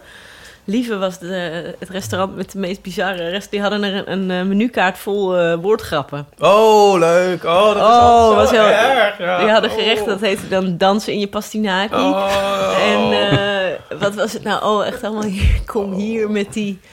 eh, nou ja, echt verschrikkelijk. echt afschuwelijk. Maar goed, in ieder geval, die waren toen ineens weg. En toen zaten er ineens zelfverklaarde hipsters die charcuterie maakten. En daar ging ik me toen eten. Het was zo... vers- Het was afschuwelijk. Het was echt om heel kwaad van te worden zo slecht. En toen bleek ook nog dat het ook geen hipsters waren... maar gewoon diezelfde mensen van Lieve... die net deden alsof ze hipsters waren. Oh, Die gewoon het concept hadden veranderd. Nee, het was echt Is verschrikkelijk. het niet zo lang geleden? Of wel? Ik kom me nou heel bekend voor. Wat? Maar hoe lang geleden is dat? Eh, twee jaar, denk ik. Ja, ah ja. Ik denk dat ik het wel gelezen heb, ja. Ja, was heel erg. Dat was met, ik, had toen, ik heb toen een dessert vergeleken met het bedje van een ziek konijn. Oh, nee. er was een soort ding van kataifi-deeg met gele vla. Nou ja, niet, niet echt aan te raden. Om niet over naar huis te schrijven. Dan maar in het parool. Ja. Eh, we hadden nog een, eh, een luisteraar. ehm, en die heet Paulien. Hallo Botte, Ipe en Hiske. Ik sta op een echt een heel druk kruispunt. Zodat het voor Botte als misofoon persoon extra erg wordt om dit te luisteren. Sorry. Eh, maar het moest nu. Hiske, ik heb voor jou een vraag. Ehm, ten eerste, kijk, eh Johannes Dam had natuurlijk het probleem op een gegeven moment dat iedereen al wist wie hij was. Volgens mij zijn jouw stukjes onder andere, eh, ze zijn sowieso heel goed. Maar ze zijn ook heel goed omdat mensen denken, ja, wie is, wie is deze leuke, spontane, fijne, blonde vrouw die hier binnenkomt? Ik denk niet een restaurantcritica. Doe je daar eh, zeg maar actief wat aan? Probeer je een soort van anoniem te blijven, of dat je hoofd niet bekend wordt? Hoe sta je daarin? Is mijn vraag. Hoe sta je en eh, hoe bepaal je wie er met je meegaat uit eten? Is dat altijd je man of je vriend? Of is het ook bijvoorbeeld zomaar een willekeurige andere Volkskrant-columnist, hè? Heeft mijn nummer. Doei! van onze verslaggevers vanaf dat hysterische verkeersplein. Levensgevaarlijk. Dit was het. Paulien Cornelissen, zeg ik even voor de duidelijkheid maar bij. Levensgevaarlijk. Met gevaar voor eigen leven heeft zij een vraag ingesproken. Eh, namelijk, eh, ja, doe je daar actief aan om een soort anoniem te blijven? Ja, het, dat anoniem, er zijn een paar dingen aan het recenseren die echt eh, ingewikkeld zijn. En dat, an- dat anoniem, dat is daar één van. Dat wil je wel graag zijn namelijk. Ja, want het, nou ja, dat wil je wel graag zijn. Kijk, mensen kunnen gewoon foto's van je in de keuken hangen. Dat soort dingen gebeuren ook wel. Ehm, maar eh, je, het maakt zoveel verschil. Dus dat is, het, dat is het lastige. Dat eigenlijk als het echt niet goed gaat... dan komt dat heel vaak door een bepaalde vorm van onzorgvuldigheid... of in de bediening of in de keuken. En dat type onzorgvuldigheid... dat een restaurantervaring echt slecht maakt...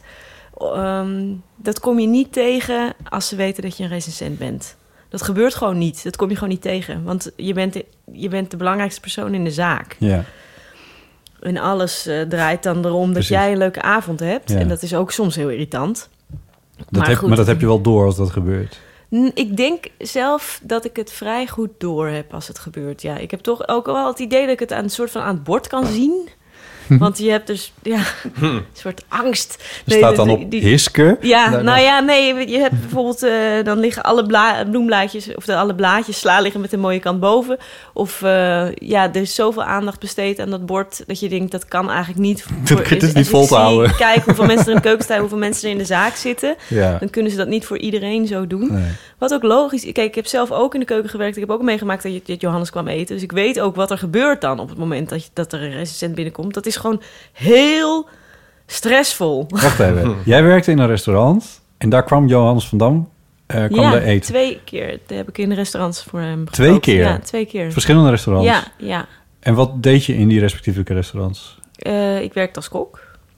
Chef. Nee, niet als chef. Nee hoor. Ik, ben, ik heb altijd een soort... Ik heb eh, denk ik een jaar of... Alles bij elkaar een jaar of acht in, in de restaurants gewerkt, in keukens. Maar nooit als chef, altijd gewoon als kok. Gaat er dan een soort, zoals wij een uh, Pet Shop Boys alarm hebben, gaat er dan een soort Johannes van Dam ja, alarm? ja, ik weet niet. Ik kan kan me vooral... één keer ehm, was bij Café Cox, werkte ik, bij het uh, Leidseplein. Ja. Dat was, toen was ik nog heel jong, toen was, stond ik nog maar net in de keuken. En toen, um, dat was verschrikkelijk, want het ging heel slecht. Alles ging mis en iedereen werd, was zo nerveus. De, de serveerster heeft toen nog, uh, omdat ze had zo'n bord met stoofvlees... en toen heeft ze de, van het bord een hele plas jus in zijn hoed gegooid. Nee. Die op de stoel naast, ja, die stond nee. op de stoel naast hem. Oh. Het was heel erg. En, en ik heb toen ook nog nou ja, hij heeft een dessert gegeten wat ik gemaakt had. En dat vergeleken in dat stuk met bouwmateriaal. Oh. En toen kregen we 4,5. Ik heb dat nog een keer. Ik heb een keer op een gegeven moment heel erg ruzie gekregen met Johannes van Dam. En zeg maar als verzoeningsactie, zeg maar, heb ik hem toen dat verhaal verteld. Dus dat ik dat, dat, dat griesmeeldessert had gemaakt bij Café Cox. En toen moest hij zo hard lachen dat hij bijna van zijn stoel viel. maar het was. Uh, nee, dat is heel vreselijk, ja. Ja, heel heftig. dus ik heb dat, ik weet niet, ja, dus er gebeurt dan ook heel erg wat. Ja. Op het moment dat ze weten dat je er zit. Maar je, want je zei in het begin ook al iets over, namelijk dat er een soort uh, een, een, een, een vrolijke tante en een muizig nichtje, hoe zei het nou precies? Ja, binnenkomen. Soort, uh, ja. Jullie hebben een soort act. Uh, is dat onderdeel van een soort anonimiteit? Of? Nou, ik denk, hoe moet ik dit nou goed zeggen? Ik denk dat het voor een vrouw een stuk makkelijker is om jezelf onzichtbaar te maken dan voor een man. Uh, omdat als je als vrouw uh, bijvoorbeeld geïnterviewd wordt op televisie of voor, bij een artikel of wat dan ook, dan word je sowieso al in een soort van vermomming gehezen door Hmm. middel van allerlei haarstukken en spul op je gezicht. Dus als, je, als ik uh, in de volle maquillage op de foto ga en dat die foto staat naast dat stuk en ik ga vervolgens uit eten met mijn saaiste trui aan en een bril op En zonder make-up op en met een knotje in mijn haar. Herken je dan Dat- maar Ja, dat, dat, je ziet er gewoon echt heel anders uit. Ja. En dat is bij mannen is dat eh, veel moeilijker. Nou, zeker bij zo'n markant iemand als Johannes van Dam. is dat natuurlijk ja, Johannes was sowieso goed te Maar jou, jouw opvolger bij Parool, ehm, is dat dan een plaksnor? Van Gilles. Nee, hij heeft die ook al heel lang. Die snor. Ja, want die staat wel heel prominent erbij Ja, steeds. met die snor. Ja, Ja. in your face. Ja, maar ik geloof dat hij ook gewoon besloten heeft van... nou ja, ik word toch wel herkend. Ja, ja. En de- hij is ook een gewoon een opvallender persoon dan ik. Ja, het is dus wel zo grappig, want ik heb het wel zo... Dat ik zeg maar, mijn hele jeugd en twintige jaren heb ik me er boos over gemaakt... dat ik mezelf een soort van niet zichtbaar genoeg vond. En dat ik altijd dacht van, eh, niemand, ik ben zo onopvallend. En nu blijkt dat echt een soort van gouden greep te zijn. Ja. Maar je hebt, je hebt bijvoorbeeld wel eh, aan de slimste mens meegedaan. Ja. Ja, toen had ik ook echt van had je haar. ook, eh, ja. ja. Ja, dus dat, je, dat, je kan dat gewoon wel een beetje zo combineren. Ja, Ja. maar, maar hoe vaak denk je dan dat mensen het weten als je gaat eten? Nou, ik weet het niet. Het was in Amsterdam op een gegeven moment kwam het wel ietsje vaker voor. Maar ook niet, ik, ik weet niet, ik kan het niet goed zeggen. Het is nu bij de Volkskrant. Maar gewoon zelden eigenlijk. Echt eh, toevallig dan afgelopen week een keertje. Maar verder eigenlijk nooit. Nee. Bij de Volkskrant heb ik op een gegeven moment zelfs in een drie sterrenzaak gegeten. Wat niet zo goed was. En, en daar wisten, zagen ze het ook niet. En dat Hm. vind ik ook wel slecht hoor. Dat Ja. je dat dan niet weet. Als, eh, maar Ja. Nou ja. Kennen jullie me niet? Ja, weet je wel wie ik ben? hey, en uh, Paulien speelde hem via de band, maar zou zij een keer met jou het eten mogen? Ja, nou ja, ik ga dus altijd met dezelfde persoon ehm Dus eten. voor een recensie is dat niet echt een optie.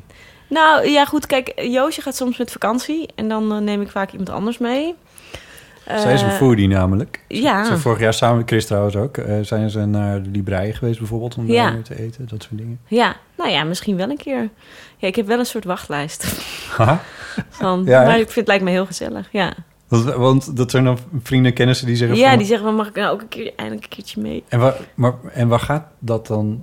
Waar gaat het dan om? Want je kan natuurlijk met heel veel mensen uit eten. Ja, ik bedoel, het lijkt me ook superleuk om een keer met jou uit te eten. Maar misschien vinden mensen dat dan extra interessant om te zien hoe jij eet. Ja, nou ja, dat is ook ongemakkelijk als iemand heel erg gaat zitten kijken Ja. hoe je eet. Ja, maar Nee. hoe zich dat dan vertaalt Ja. in een stuk, dat lijkt mij ook wel interessant. Ja, dat, is het zeker, vooral. Dat, ja, wat je ja. dan doet en hoe je dat registreert op zo'n Ja. avond en, en hoe je het weegt. Ja, maar dat is... eh, ja. Ik zit eigenlijk al de hele tijd te denken van... Ik vind jouw beroep is een soort van... eh, ik vind het een beetje vergelijkbaar met een soort privédetective of zo. Van een soort droomberoep van... Weet je, als kind denkt van... Oeh, dat moet... Dat is een soort trainer. Ja. hemel te gek van... Wat Ja. vet. Dat en ook een beetje een soort spannend. Eigenlijk iedereen die in het Sint-Antonius in Sneek is geboren, heeft dit, Een hoor. droomberoep. Ja, Ja. dat is ook wel Ja. een beetje waar, ja. Ja. Ja. maar goed. Dus dat... eh, Ja, maar ik vind het Ja. zelf ook raar, want ik vond dat, dat natuurlijk ook, ik vond het ook super gek dat ik dat ineens eh, mocht gaan doen. Want ik was ook nog maar twee jaar journalist toen ik dat ineens in de schoot. Ja, Johannes overleed, dus er moest iemand moest het gaan doen. En dat was voor mij ook wel een soort van droomberoep Ja. of zo.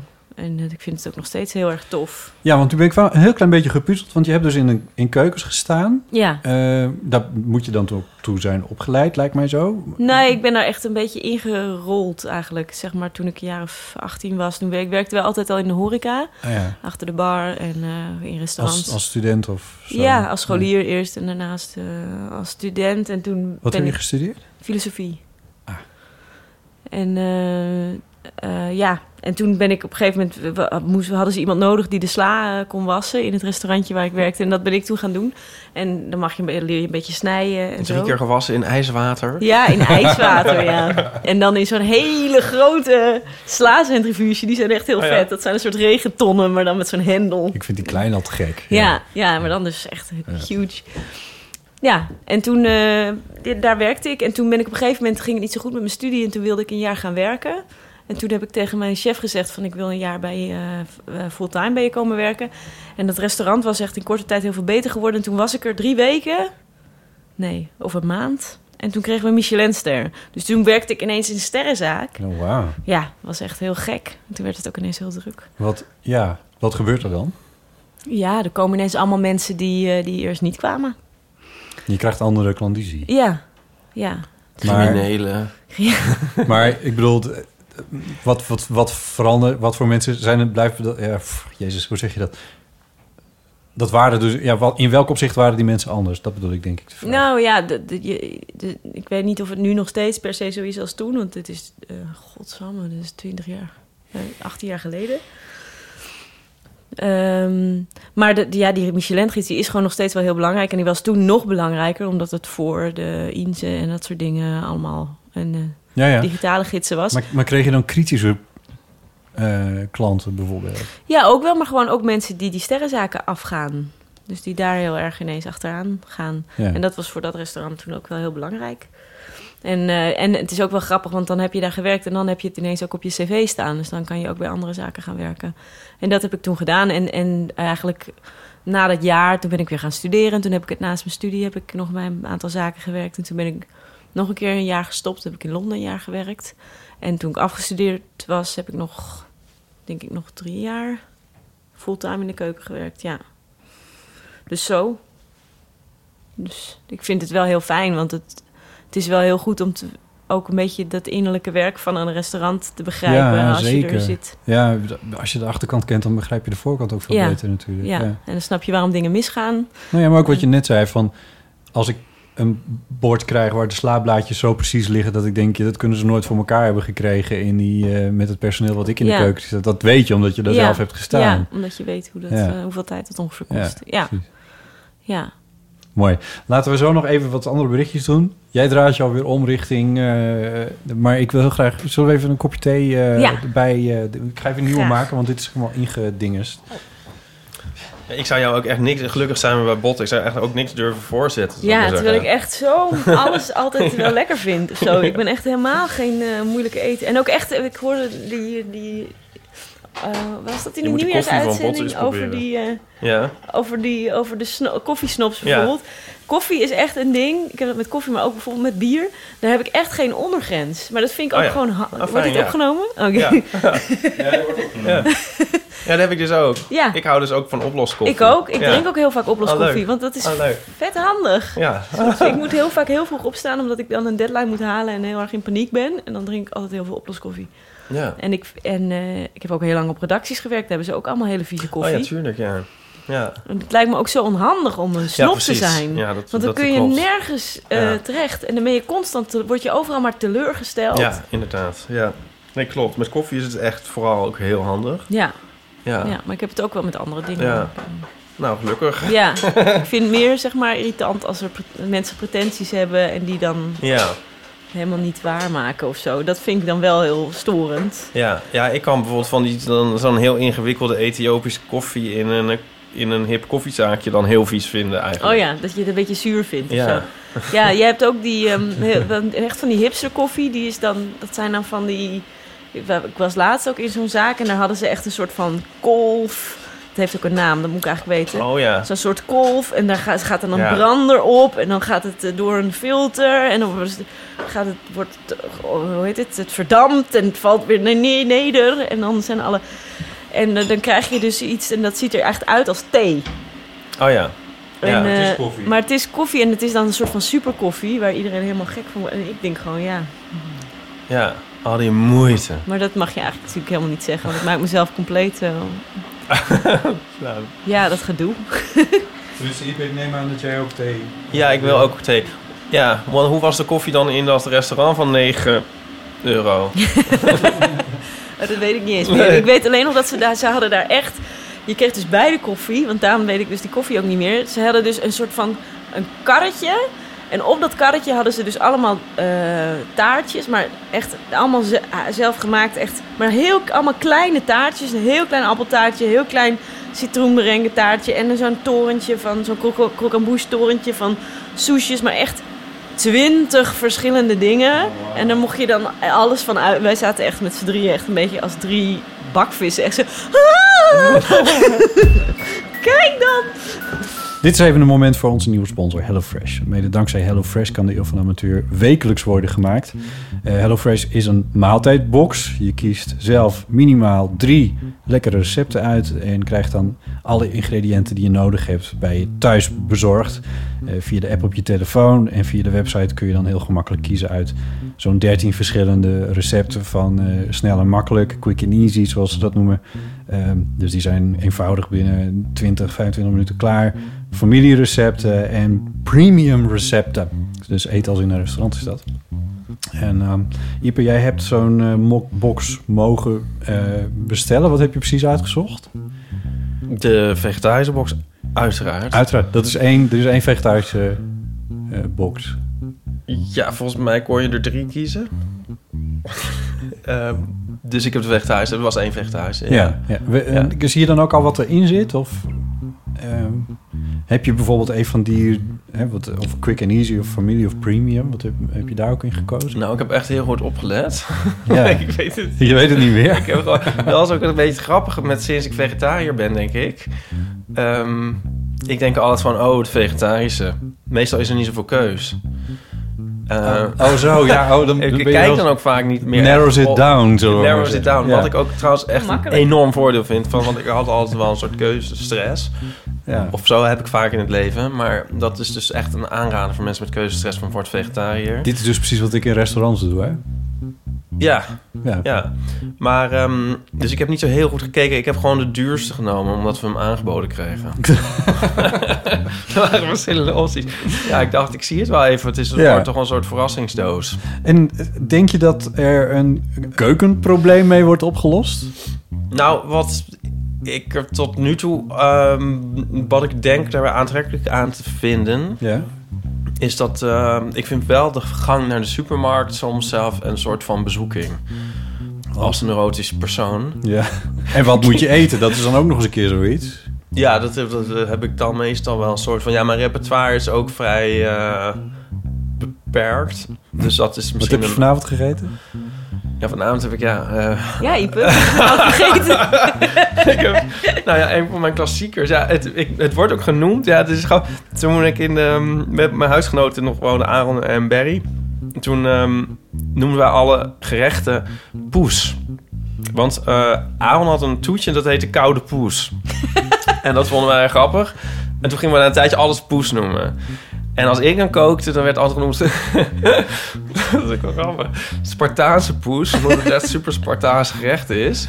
Van ehm, rijst. Ja, het was ook nog vaak zilvervliesrijst, dan was het echt niet te eten. Maar goed, Ehm, nu is het wel vervangen door witte rijst. Met andijvie en ehm, vegetarische worstjes. En that's it. Maar hoe, wat doe je dan met die andijvie? Ja, die, ko- die doe- zet ik in een laagje water. Ko kook ik die. En dan? Niks. Oh. Dat is- Maar zelfs als je andijvie stampot maakt, dan moet je de andijvie er echt op het allerlaatst heel even in doen. Ja, maar Eigenlijk niet hierbij eens- doe ik het zo. Ja, maar of oké. je moet het in vet eh, smoren of zo. Heb je eh, vetangst? Nee. Nee, want die worstjes kook ik gewoon in, eh, ja, in eh, Je olijfolie. moet dat in de boter doen, joh. Dan moet je toch niet in water... Get. het wordt dan ook helemaal snotterig. Nee, nee. Maar ik kook het niet helemaal eindeloos door. Maïzena-papje. Ja, Maar het is... oh, je- kijk, ja, mensen vonden het dus lekker. Hè? Er werd zelfs om gevraagd. Maar wat ik wel soms deed... Ik, Door twee personen, hè? maar goed. Ja. dit is zeg maar echt het helemaal Spartaanse va- variant. Ik deed ook wel eens dat ik dan tomaten bakte met ketchup en een beetje knoflook en sambal. En dat als een soort sausje nog Oh ja, erbij deed. Dan wordt het wel iets spannender. En ik kan eventueel ook nog gebakken uitjes gewoon uit zo'n pakje. Ja, die zijn top. Die Er- maken alles ja, lekker. Ja. Die doe ik er ook nog wel eens bij. En ehm, ja, dat is het wel. Hoeveel heb je op je repertoire? Ehm, ja, ja. Ja, maar ik heb eh, zeg maar op, in, mijn- op mijn actieve repertoire een stuk of vijf dingen, denk ik. En op mijn hele repertoire een stuk of vijftien. Maar soms vergeet ik weer... ga- Soms gaan dingen uit de roulatie, zeg maar. Ja. ja, Ja. het is wel Oh. erg Wat zat er nou in die doos? Ja.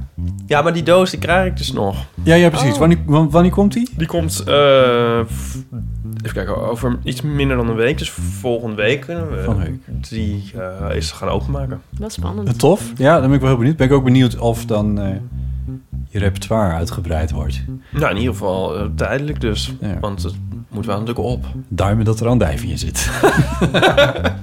Goed. Wil je als luisteraar ook zo'n box? Ga naar eh, www.hellofresh.nl slash podcast. En dan ontvang je 50% korting op je eerste box. Eh, even kijken. Zullen we nog wat eh, berichtjes doen? We hebben... eh, ik- maak even een heel klein zijstapje met permissie, Hiske. Ja. Ehm, vorige keer... Nou, ja, het, dit heeft al een hele lange aanloop... maar we hadden het eh, op een gegeven moment in de Eeuw van de Amateur... over eh, design, ontwerp... en welke ontwerpen zijn een beetje tijdloos... en al die dingen meer. En daar kwam toen een reactie op... Ik, was het nou uit jou of iemand anders... die begon over de Multipla, de Fiat Multipla. Ja, oh. Eh, de auto. die, zeker de eerste versie had vrij iconisch... eh, ja, die heeft een bult. die ja, die heeft een bult. nou, daar belde dus weer iemand over vorige week. En die zei, ja, jullie hadden het over Multipla. Maar in mijn gezin, of in mijn, samen met mijn zus en ik... heeft de naam Multipla, dat gaat helemaal niet meer over die auto.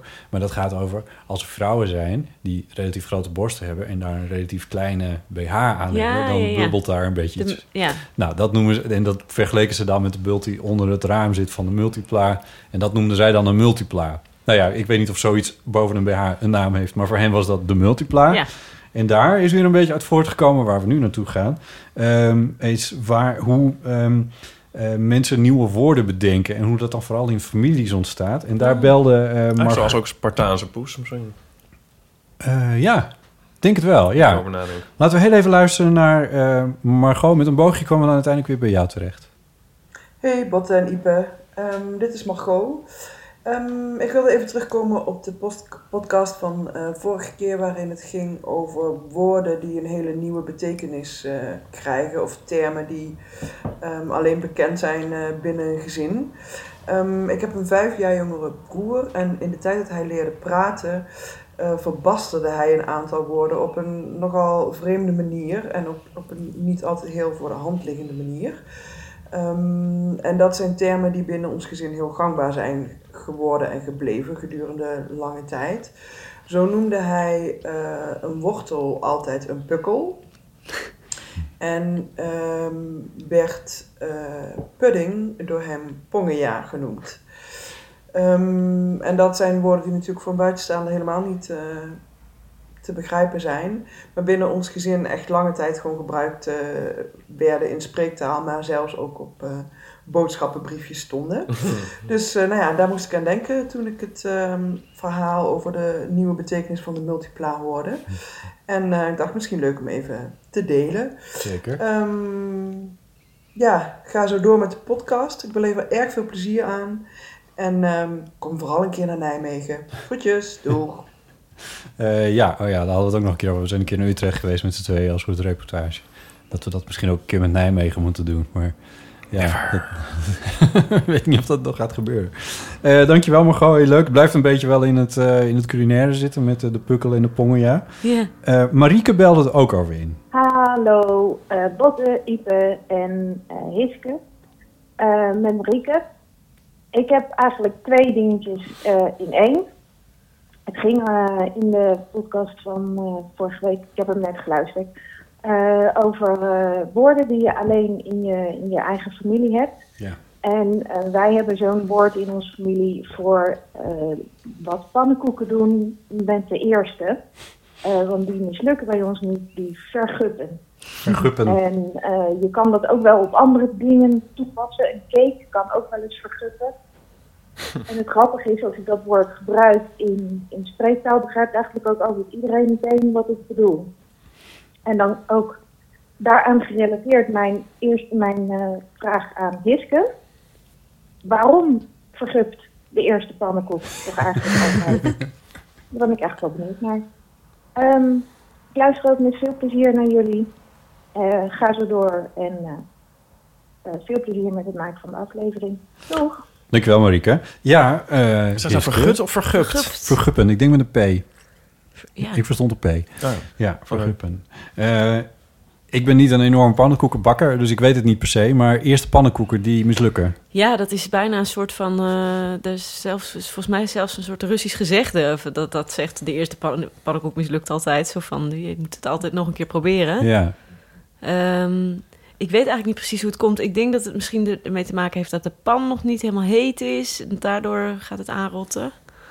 En, eh, Aanrotten? Ja, dat is dan weer zo'n keukenterm, zeg maar, denk ik. Dat heet dan ja, aanrotten, dat, dat het gaat plakken. Ja, dat, ja. Aanbakken, ja. Ja. Oké. Eh, en eh, daar zou het mee te maken kunnen hebben. Is het wel waar? Het is, ja, het is, ik heb dezelfde ervaring legend. ook wel een beetje. Ja? Ja?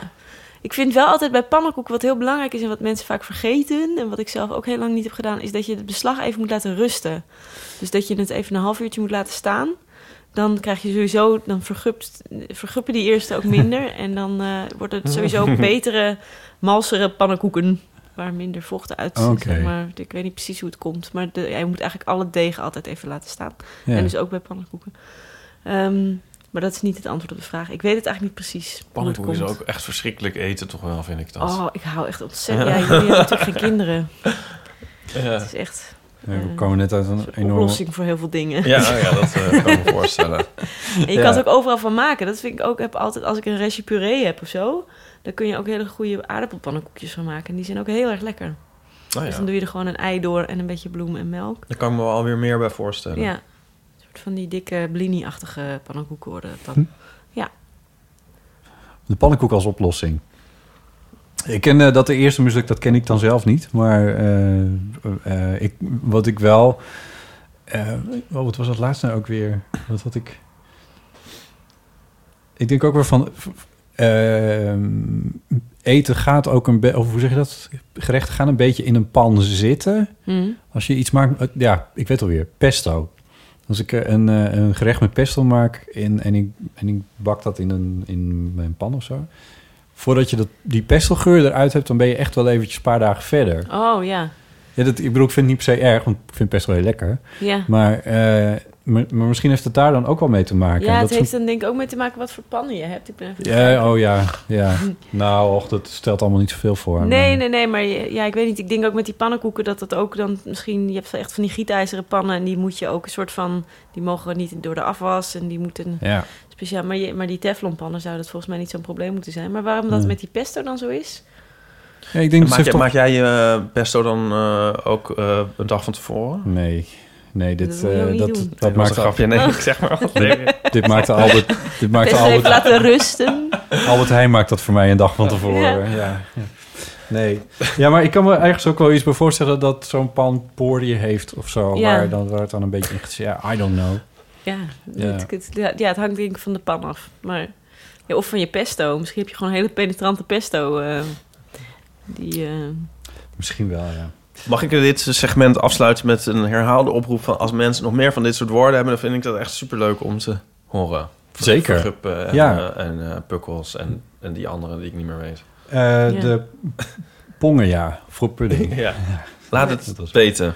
Ja. ja, bel vooral in. Ehm, laten we nog één berichtje doen. Van Teun. Hey Botte, Ipe en eh, Hiske in dit geval. Eh, hier Teun, Eh, ja jullie zijn gestopt met die rubriek Oh, wat een verhaal. dus eh, ja, nu hebben jullie een soort van mij gedwongen om een nieuwe hobby te zoeken. Maar nou ja, omdat jullie toch nog wel verhalen wilden horen over culinaire eh, diner kwesties, dacht ik nou dan ga ik toch stiekem nog maar even wat sturen. Want ik heb een hele geinige situatie meegemaakt toen ik een vorig vriendinnetje had. En haar eh, broertje, die was 17 en die lustte bijna niks. Die, die vond eh frikandel nog exotisch, zeg maar. Dus eh wij zouden een keer uit eten gaan. En nou ja, met, met, met, bij gratie gods gingen we dan maar naar de Humphreys in Amersfoort. Nou, dat, zou je toch denken dat je daar geen bel aan kan vallen. Maar goed, wij bestellen een voorgerecht, hoofdgerecht en later een dessert natuurlijk. En hij had dan als voorgerecht genomen een salade met gemarineerde kip. En eh, ik zei nog tegen hem van, joh, dat is gewoon, eh, dat is gewoon kipfilet, dat, dat lust je vast wel.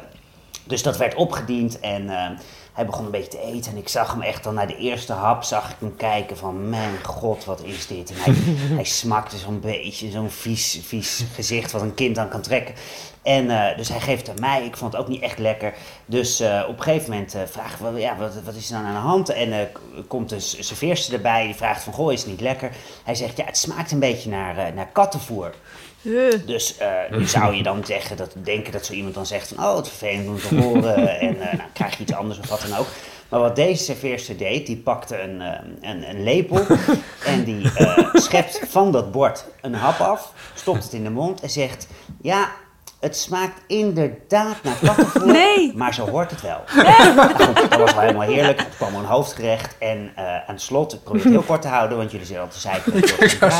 Eh, aan het slot eh, hadden wij de crème brûlée besteld. Nou, dat is natuurlijk met van die gekarameliseerde suiker lekker en zo. Maar in dit geval was het gewoon een soort, een soort, ja, een soort crème, eh custardachtig iets. En daar overheen eh, kaneelpoeder. Dus eh, ze zegt van was het lekker? En eh, ze zegt van, nou ja, eh, het was natuurlijk prima, lekker, prima te eten.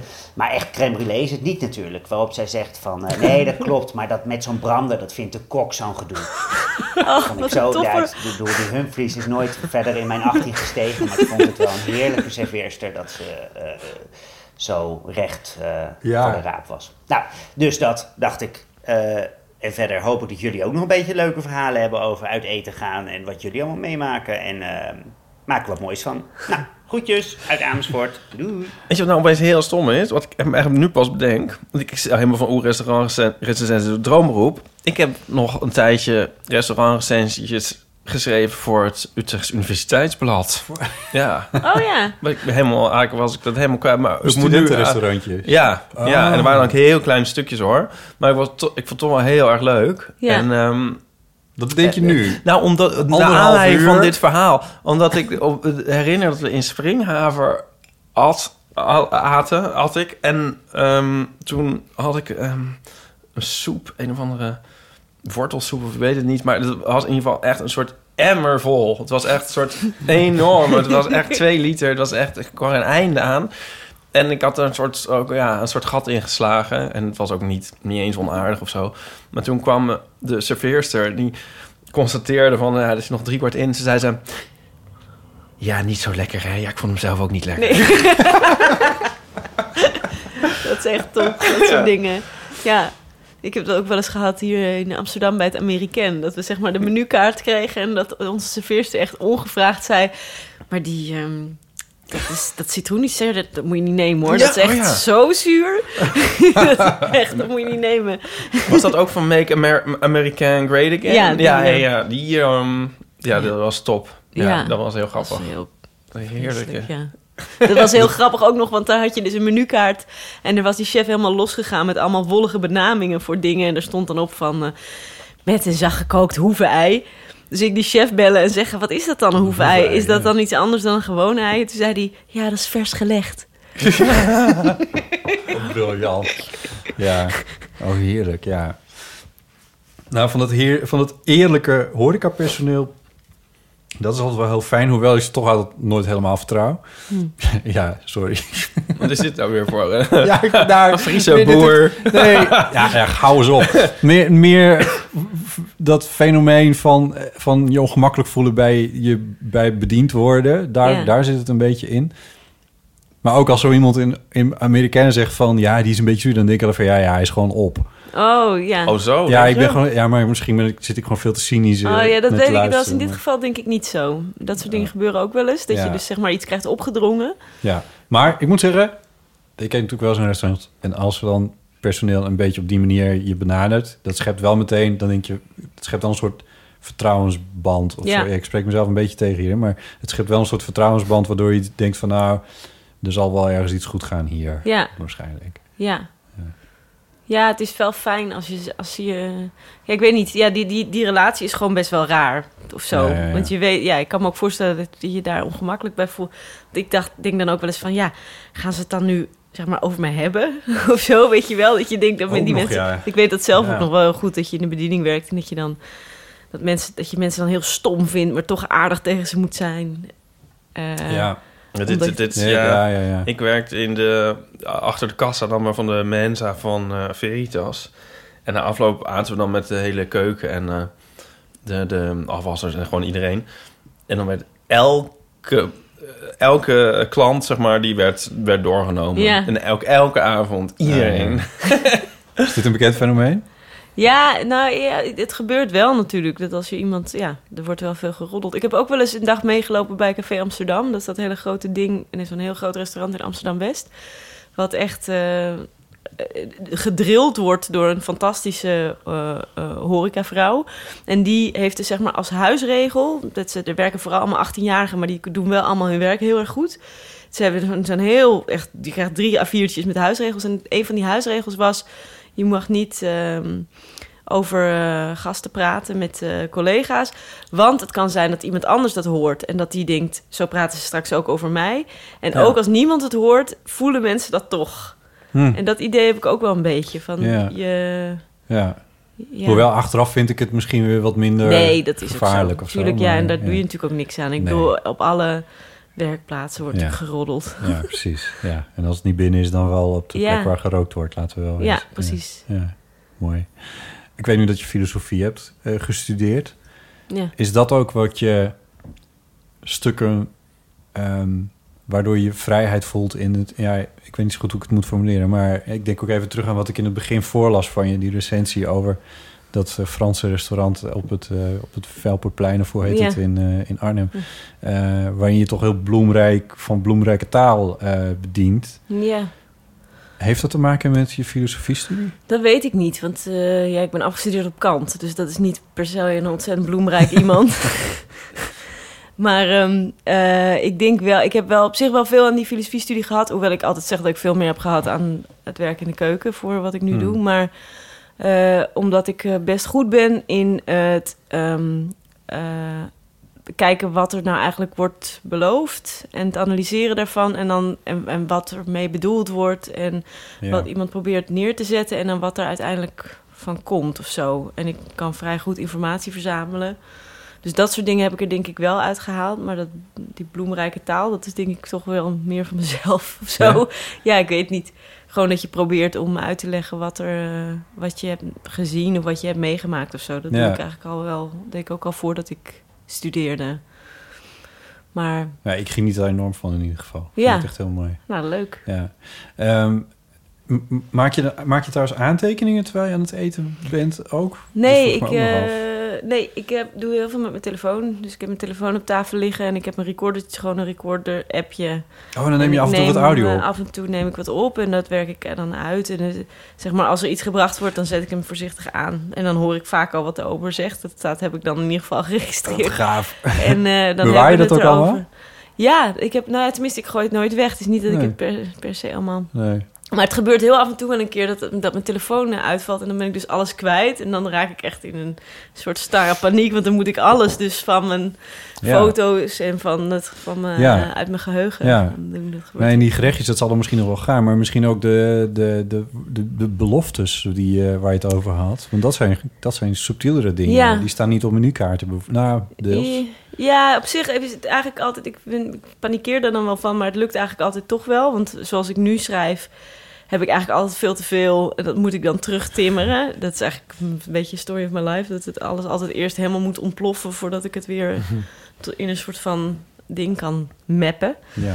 Ehm, dus dat gaat eigenlijk altijd wel. Ja, het- ik weet niet, het is een hele raar... Ja, ik heb zelf altijd het idee dat ik, al, dat ik mezelf allerlei... niet per se hele...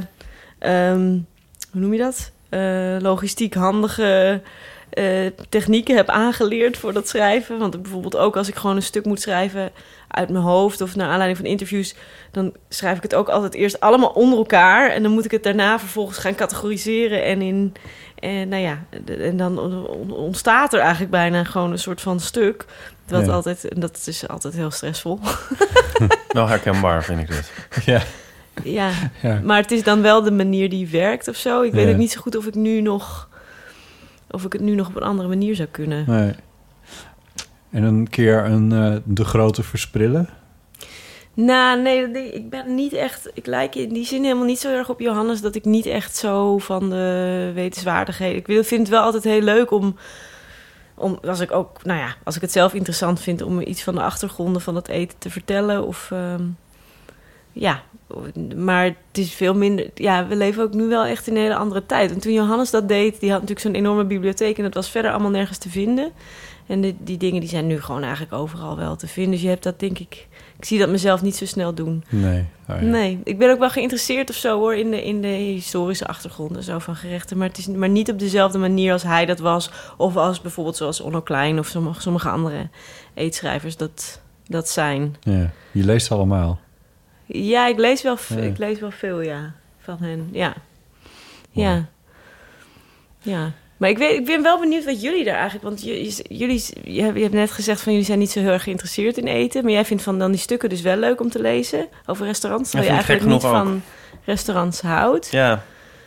Maar ik lees ook eh, filmrecensies van films waar ik zeker al van weet dat ik er nooit naartoe zal gaan en zo. Ja, maar je bent wel geïnteresseerd in film.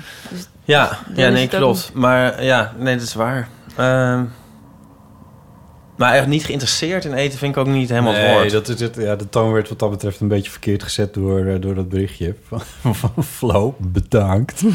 Ja, nee, en ik ben Nee. wel ook dus geïnteresseerd in eh, sowieso de ervaring waar we het al over hebben. Want het, zeker zo- zoals zo'n stuk waarin je zo- je zo'n restaurant schetst eh, als afgelopen week van ehm, dat ze op de kaart ook hebben staan van er mogen geen kinderen rondrennen en eh, je mag niet op je telefoon en zo en al die dingen.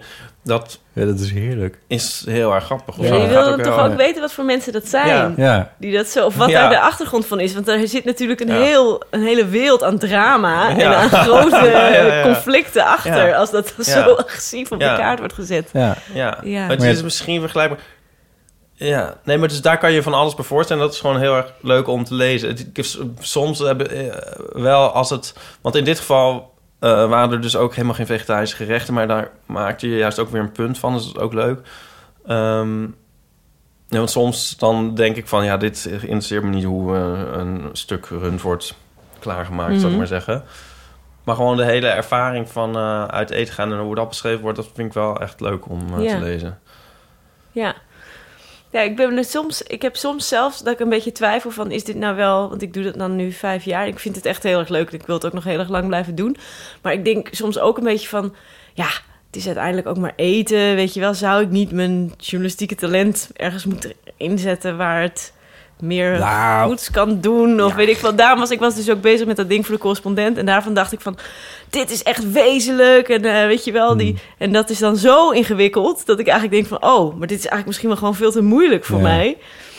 Dus daar twijfel ik soms wel een beetje over. Van, Ja, oh, dit herken ik wel. Ik, ik denk niet dat het per se... Want daar, correspondent Melk, Ja. was slash ben je daar? is ja, dat nou afgelopen? ja, ik of- ben nu eh, bezig met nadenken over of ik er nog mee door wil. Ja. Ik heb heel vaak bij dat soort grote journalistieke dingen... eh, dat ik inderdaad ook begin aan zoiets. Dat dat het me helemaal ook eh, overmand. Van, Ja. van nou ja, dit is, dit is inderdaad... Van, dit is te ingewikkeld voor mij. Of, of, maar dan zie ik collega's die het, die het dan wel benaderen... en die er wel een verhaal uithalen. Die dan vooral heel goed zijn in één segment kiezen. Ja. En die weten dan wel, er is meer dan dit verhaal. Ja. Eh, dit speelt nog mee, dat speelt nog mee. En dat zijn allemaal nuanceringen en zo. Maar daar heb ik het nu even niet over. Ja. En, die, en, en, eh, en dan heb ik wel eens kritiek op dat soort stukken. Dat ik denk van ja, maar je houdt daar geen rekening mee, je houdt daar geen rekening mee. Maar hij heeft wel een stuk geschreven. Ja, en ondertussen er zit ik maar te, te, te, te, jong leren met, met al die, eh, die berg informatie die, eh, Mhm. die er is. Eh, ik weet niet precies waarom ik dit zeg. Oh ja, omdat je zegt van ja, dan, het, het is te ingewikkeld. Ik denk niet dat dat het is. Het is niet het, dat het te ingewikkeld is.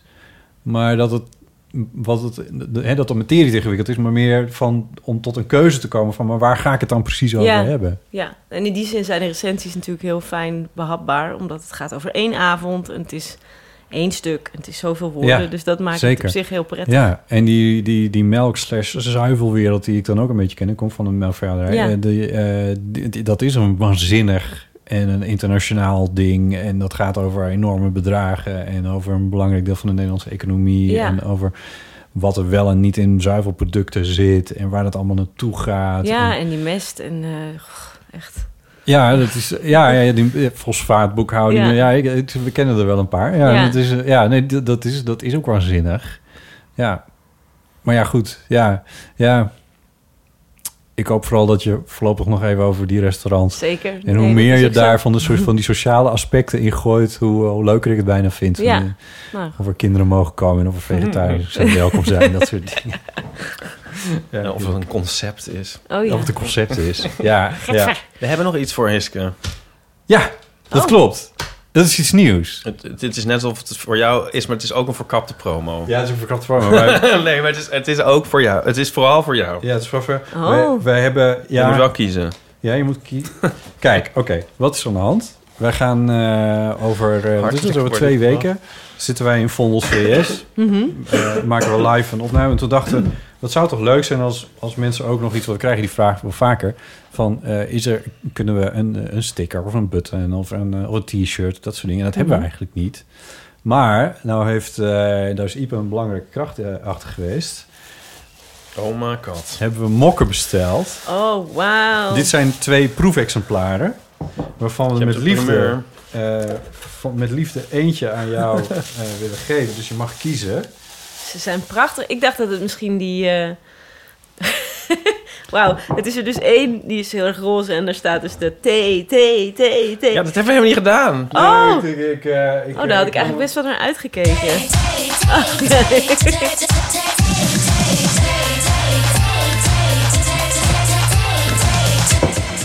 Doen we die de volgende keer weer. Maar inderdaad, eentje waar eh T op staat geschreven. Ja, en één is wit en met een labeltje waar de eeuw van de amateur op staat. Ik vind deze het mooist. Ja, maar die met TTT. Maar dit, die, ja, Heel goed. Ik sta perplex. Het is allebei mooi. Ja, Ipe was helemaal... Deze, hier heeft Ipe echt heel veel werk voor gehad. Oh ja? Nee, nee, nee. nee. Om, nee, eh, heel goed. Nee, het is Ja, heel goed. kwantiteit Even om over het helemaal precies te kwaliteit. is beschrijven. dit, eh, Hier is een theelepeltje op bedrukt met een touwtje dat tot aan de rand loopt. Ja, ja. Cust- Custom made. Nou, deze is ook custom, omdat ja, hij tot ja, de ja. hand loopt. Omdat hij ook tot de rand eh, bedrukt Het is een heel goede keuze. En ik denk dat Bob van Dag en Nacht Media heel, heel erg in zijn nopjes zal zijn. Ja, want Bob Ja. heeft dat ontwerp weer gemaakt. Ja, want ik kreeg al een dag en nacht media mok ook. Dus ik dacht, misschien krijg ik er daar nog een van uit die serie. Oh, voor chef? Nee, Oh, ja, nee, nee, ja, nee. Maar het is wel dezelfde mokkenbakker. die. Nou, ik ben er heel blij mee. Ja, want we, we hadden nooit iets... Ja, nu, nu worden alle gasten die we ooit hebben gehad... die worden nu natuurlijk weer jaloers. Maar wij dachten, eh, nu hebben we ook eindelijk Ja, eens een keer maar iets... wat we... Die komen gewoon, moeten nog, gewoon nog een keer komen. Eh, hebben we eindelijk iets om eh, onze gasten mee En te geven. luisteraars, mogen, kunnen die dit dus ook bestellen? Nou, we hebben bij Vondel CS hebben we dan ook een klein voorraadje. En dan hopen Oh ja. we dat we daar ook wat kunnen eh, verkopen. En of we ze willen opsturen, dat weet ik eigenlijk nog niet. Ligt een beetje aan de reacties. Ja, ja reacties. En ehm, of, eh, of het allemaal een beetje te betalen is. Want dat, ehm, ja, we gaan ze niet... eh, allemaal- aan, gasten geven ze wel gratis, zeg maar. Aan, aan luisteraars, eh, ja, ik bedoel... Anders wordt het wel een beetje een kostbaar gedoe voor ons. vereerd. ja. Nou, leuk. Mooi. Dan hebben we die. Wat hebben we verder nog? We hebben nog... eh, wij, wij doen ook aan recensies. Wij laten ons recenseren op iTunes. Eh, bijvoorbeeld door Robert de Flop. Tractaties voor de introvert, schrijft hij op iTunes. In mijn chaotische en pieker, piekerde hoofd... eh, Oké. Is het soms moeilijk rust te vinden? Gelukkig zijn daarvoor de vrienden van de eeuw. Geen gemaal meer in je hoofd tijdens een ritje in de auto of een avondwandeling. Schuif aan bij Botte, Ipe en Paulien. En laat je meenemen in lange gesprekken met humor, diepgang en flow. Met een W. Mhm. Dus niet, Nee. niet jouw nemesis. Bedankt voor de fijne podcast. Hopelijk nog voor vele uren luisterplezier. Ik lees er eentje voor van die enorme stapel Ja, ja, ja. die er Oh, ja. binnen is gekomen. Maar we zijn blij met iTunes recensies. Want dat helpt ons weer om eh, hoger eh, terecht te komen in iTunes. En dan kunnen meer mensen met ons kennis maken. En dat vinden wij heel erg fijn. Ten slotte nog ehm, oproepje voor... Oh, we hebben niet eens gezegd. Bij eh, toen Teun aan het woord was. Maar wel gedacht. Maar wel gedacht. Hij is er volgende week. Oh. Teun die zijn verhaaltje... eh, Ja, want die, is vaker, die heeft vaker een verhaal verteld, toch? Zeker. Ja, en ehm, hij is volgende week eh, te gast bij de, bij de Eeuw van de Amateur. Weet je wel wat voor iemand hij is? Daar ben Nou, ik dan eh, meteen heel benieuwd eh, eh, vagelijk. En uh, daar, ik weet dat wij hij- moeten elke keer heel erg lachen om zijn Ja. verhalen. Hij Dus dat- zo leuk. En ja. ehm, Was hij, had hij dat verhaal over dat mensen dachten dat hij een vrouw was? ja. Daar moest ik echt heel hard om lachen. lachen. en eh, ook over dat hij zich voor Nick en Simon had uitgegeven. Ja, ja, samen met een, met, met een creatief iemand. Dus hij zit in de creatieve hoek. En naar aanleiding hiervan gaat hij ook vertellen... aanstaande zondag op het helaas eh, stijf uitverkochte Echt Gebeurd Gala. Ja, in de Kleine Comedie in Amsterdam. Ehm, en, ehm, En wij hebben hem als eerste. en wij hebben daarna. hem dan, Oh. maar, Exclusief. ehm, ja, dus dat, dat, dat lijkt me hartstikke gezellig. Ja, dus dan kan hij vertellen over wat daar allemaal is gebeurd en wat hij, Ja. eh, wat hij heeft beleefd. Ja, en ehm, dus je kan vragen aan Teun stellen, maar je kan natuurlijk ook gewoon levensvragen stellen, Dilemma's dilemma's en ehm, en whatsoever. En mocht je nog iets bijzonders in een restaurant hebben meegemaakt, dan is Oh, dat wij ook nog steeds heel erg leuk om, eh, om in te spreken. Dat kan op ons telefoonnummer, dat is 06 1990 68 71. Mooi. 30 januari zijn we live in Vondel CS. Is ook uitverkocht, maar eh, misschien kan je... Ik heb niks meer van ze gehoord trouwens. Heb jij nog iets van ze gehoord? Gaat het wel door? Recesses, recesses, recesses, Ja, ze zijn met de noorderzon vertrokken. Ja. ja. Ehm, nou goed, maar waarschijnlijk, en anders gaan we daar gewoon op de stoep zitten. Dat wordt ook heel gezellig met iedereen. Ehm Vondelcs, eh, je kan je nog aanmelden. eh, wat was dat mailadres nou ook weer? Ehm, was dat niet contact.vondelcs.nl? Misschien, misschien hebben ze wel heel veel mail gekregen erop en zijn ze toen heel boos geworden. Ik denk het niet. Ik denk het ook niet. Dat is in ieder geval eh, het voor deze keer. Hiske, Versprillen, dankjewel. Iedere zaterdag in eh, de Volkshand. Yes. Voorlopig. En misschien nieuwe chefs. Ja, hopelijk. Dus, eh, Hopelijk. en op Twitter, het Hiske Versprillen, volgens mij. Ja. Eh, dus stuur vooral heel veel tweet eh mentions En, naar Hiske ja, van maak met- nieuwe chefs, en maak tips, nieuwe chefs. Tips in Utrecht. Tips in Utrecht, restaurants in Utrecht waar Hiske zeker een elders. moet gaan eten. Ja. Of elders. Ehm dankjewel dat je er Ja, was. heel leuk dat je was er was. echt Ja. heel tof. Fijn om hier te zijn. heel goed. Ipe, dankjewel. Doeg. Mijn naam is Botte Jellema. Tot de volgende keer.